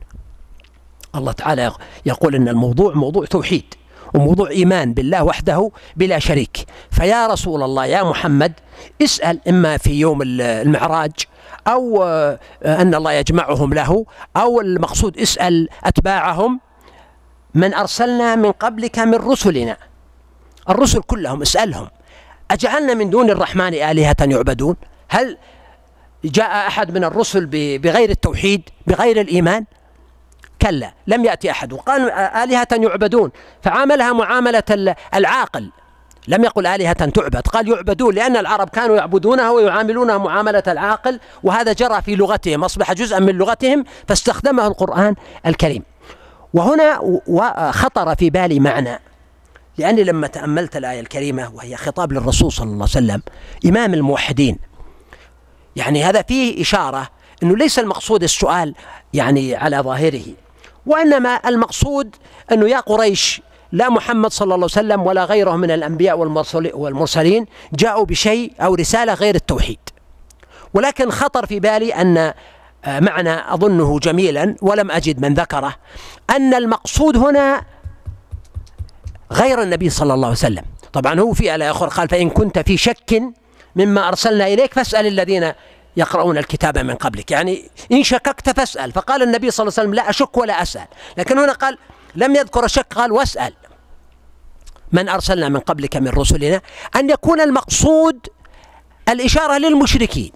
إنه يا معشر المشركين المصرين على الوثنية عندكم اليهود حولكم تختلطون بهم وتشاركونهم التجارة وهم موجودون في المدينة وتشاهدون النصارى في الشام. وهم أهل كتاب اسألوهم هل جاءت ملتهم بالشرك أو بالتوحيد. فهذا من المعاني القريبة والقريبة جدا والله تعالى أعلم. اليوم طولنا شوي بس إن شاء الله بكرة يكون أخف لأنه البدايات كانت عادة طويلة. غدا إن شاء الله يعني نختصر الوقت حتى ما أنا اليوم قلت يعني نجر نجر رجول الإخوان عشان يقعدون ولا جو إن شاء الله. آه، لأنه صراحة أنا حريص على الاستمرار لسبب. آه، يعني يعني يعني أن يكون هذا القطر من الخير إن شاء الله مستمر لي وللمجلس المبارك لعل الله يمد في الأجل حتى يكمل الإنسان القرآن الكريم يعني. فغدا إن شاء الله نكمل ما بقي من سورة الزخرف بعد صلاة المغرب وليبلغ الشاهد الغائب وإن شاء الله ما نطول عليكم. سبحانك اللهم وبحمدك أشهد أن لا إله إلا أنت أستغفرك وأتوب إليك. سبحان ربك رب العزة عما يصفون وسلام على المرسلين والحمد لله رب العالمين. وصلى كتاب أن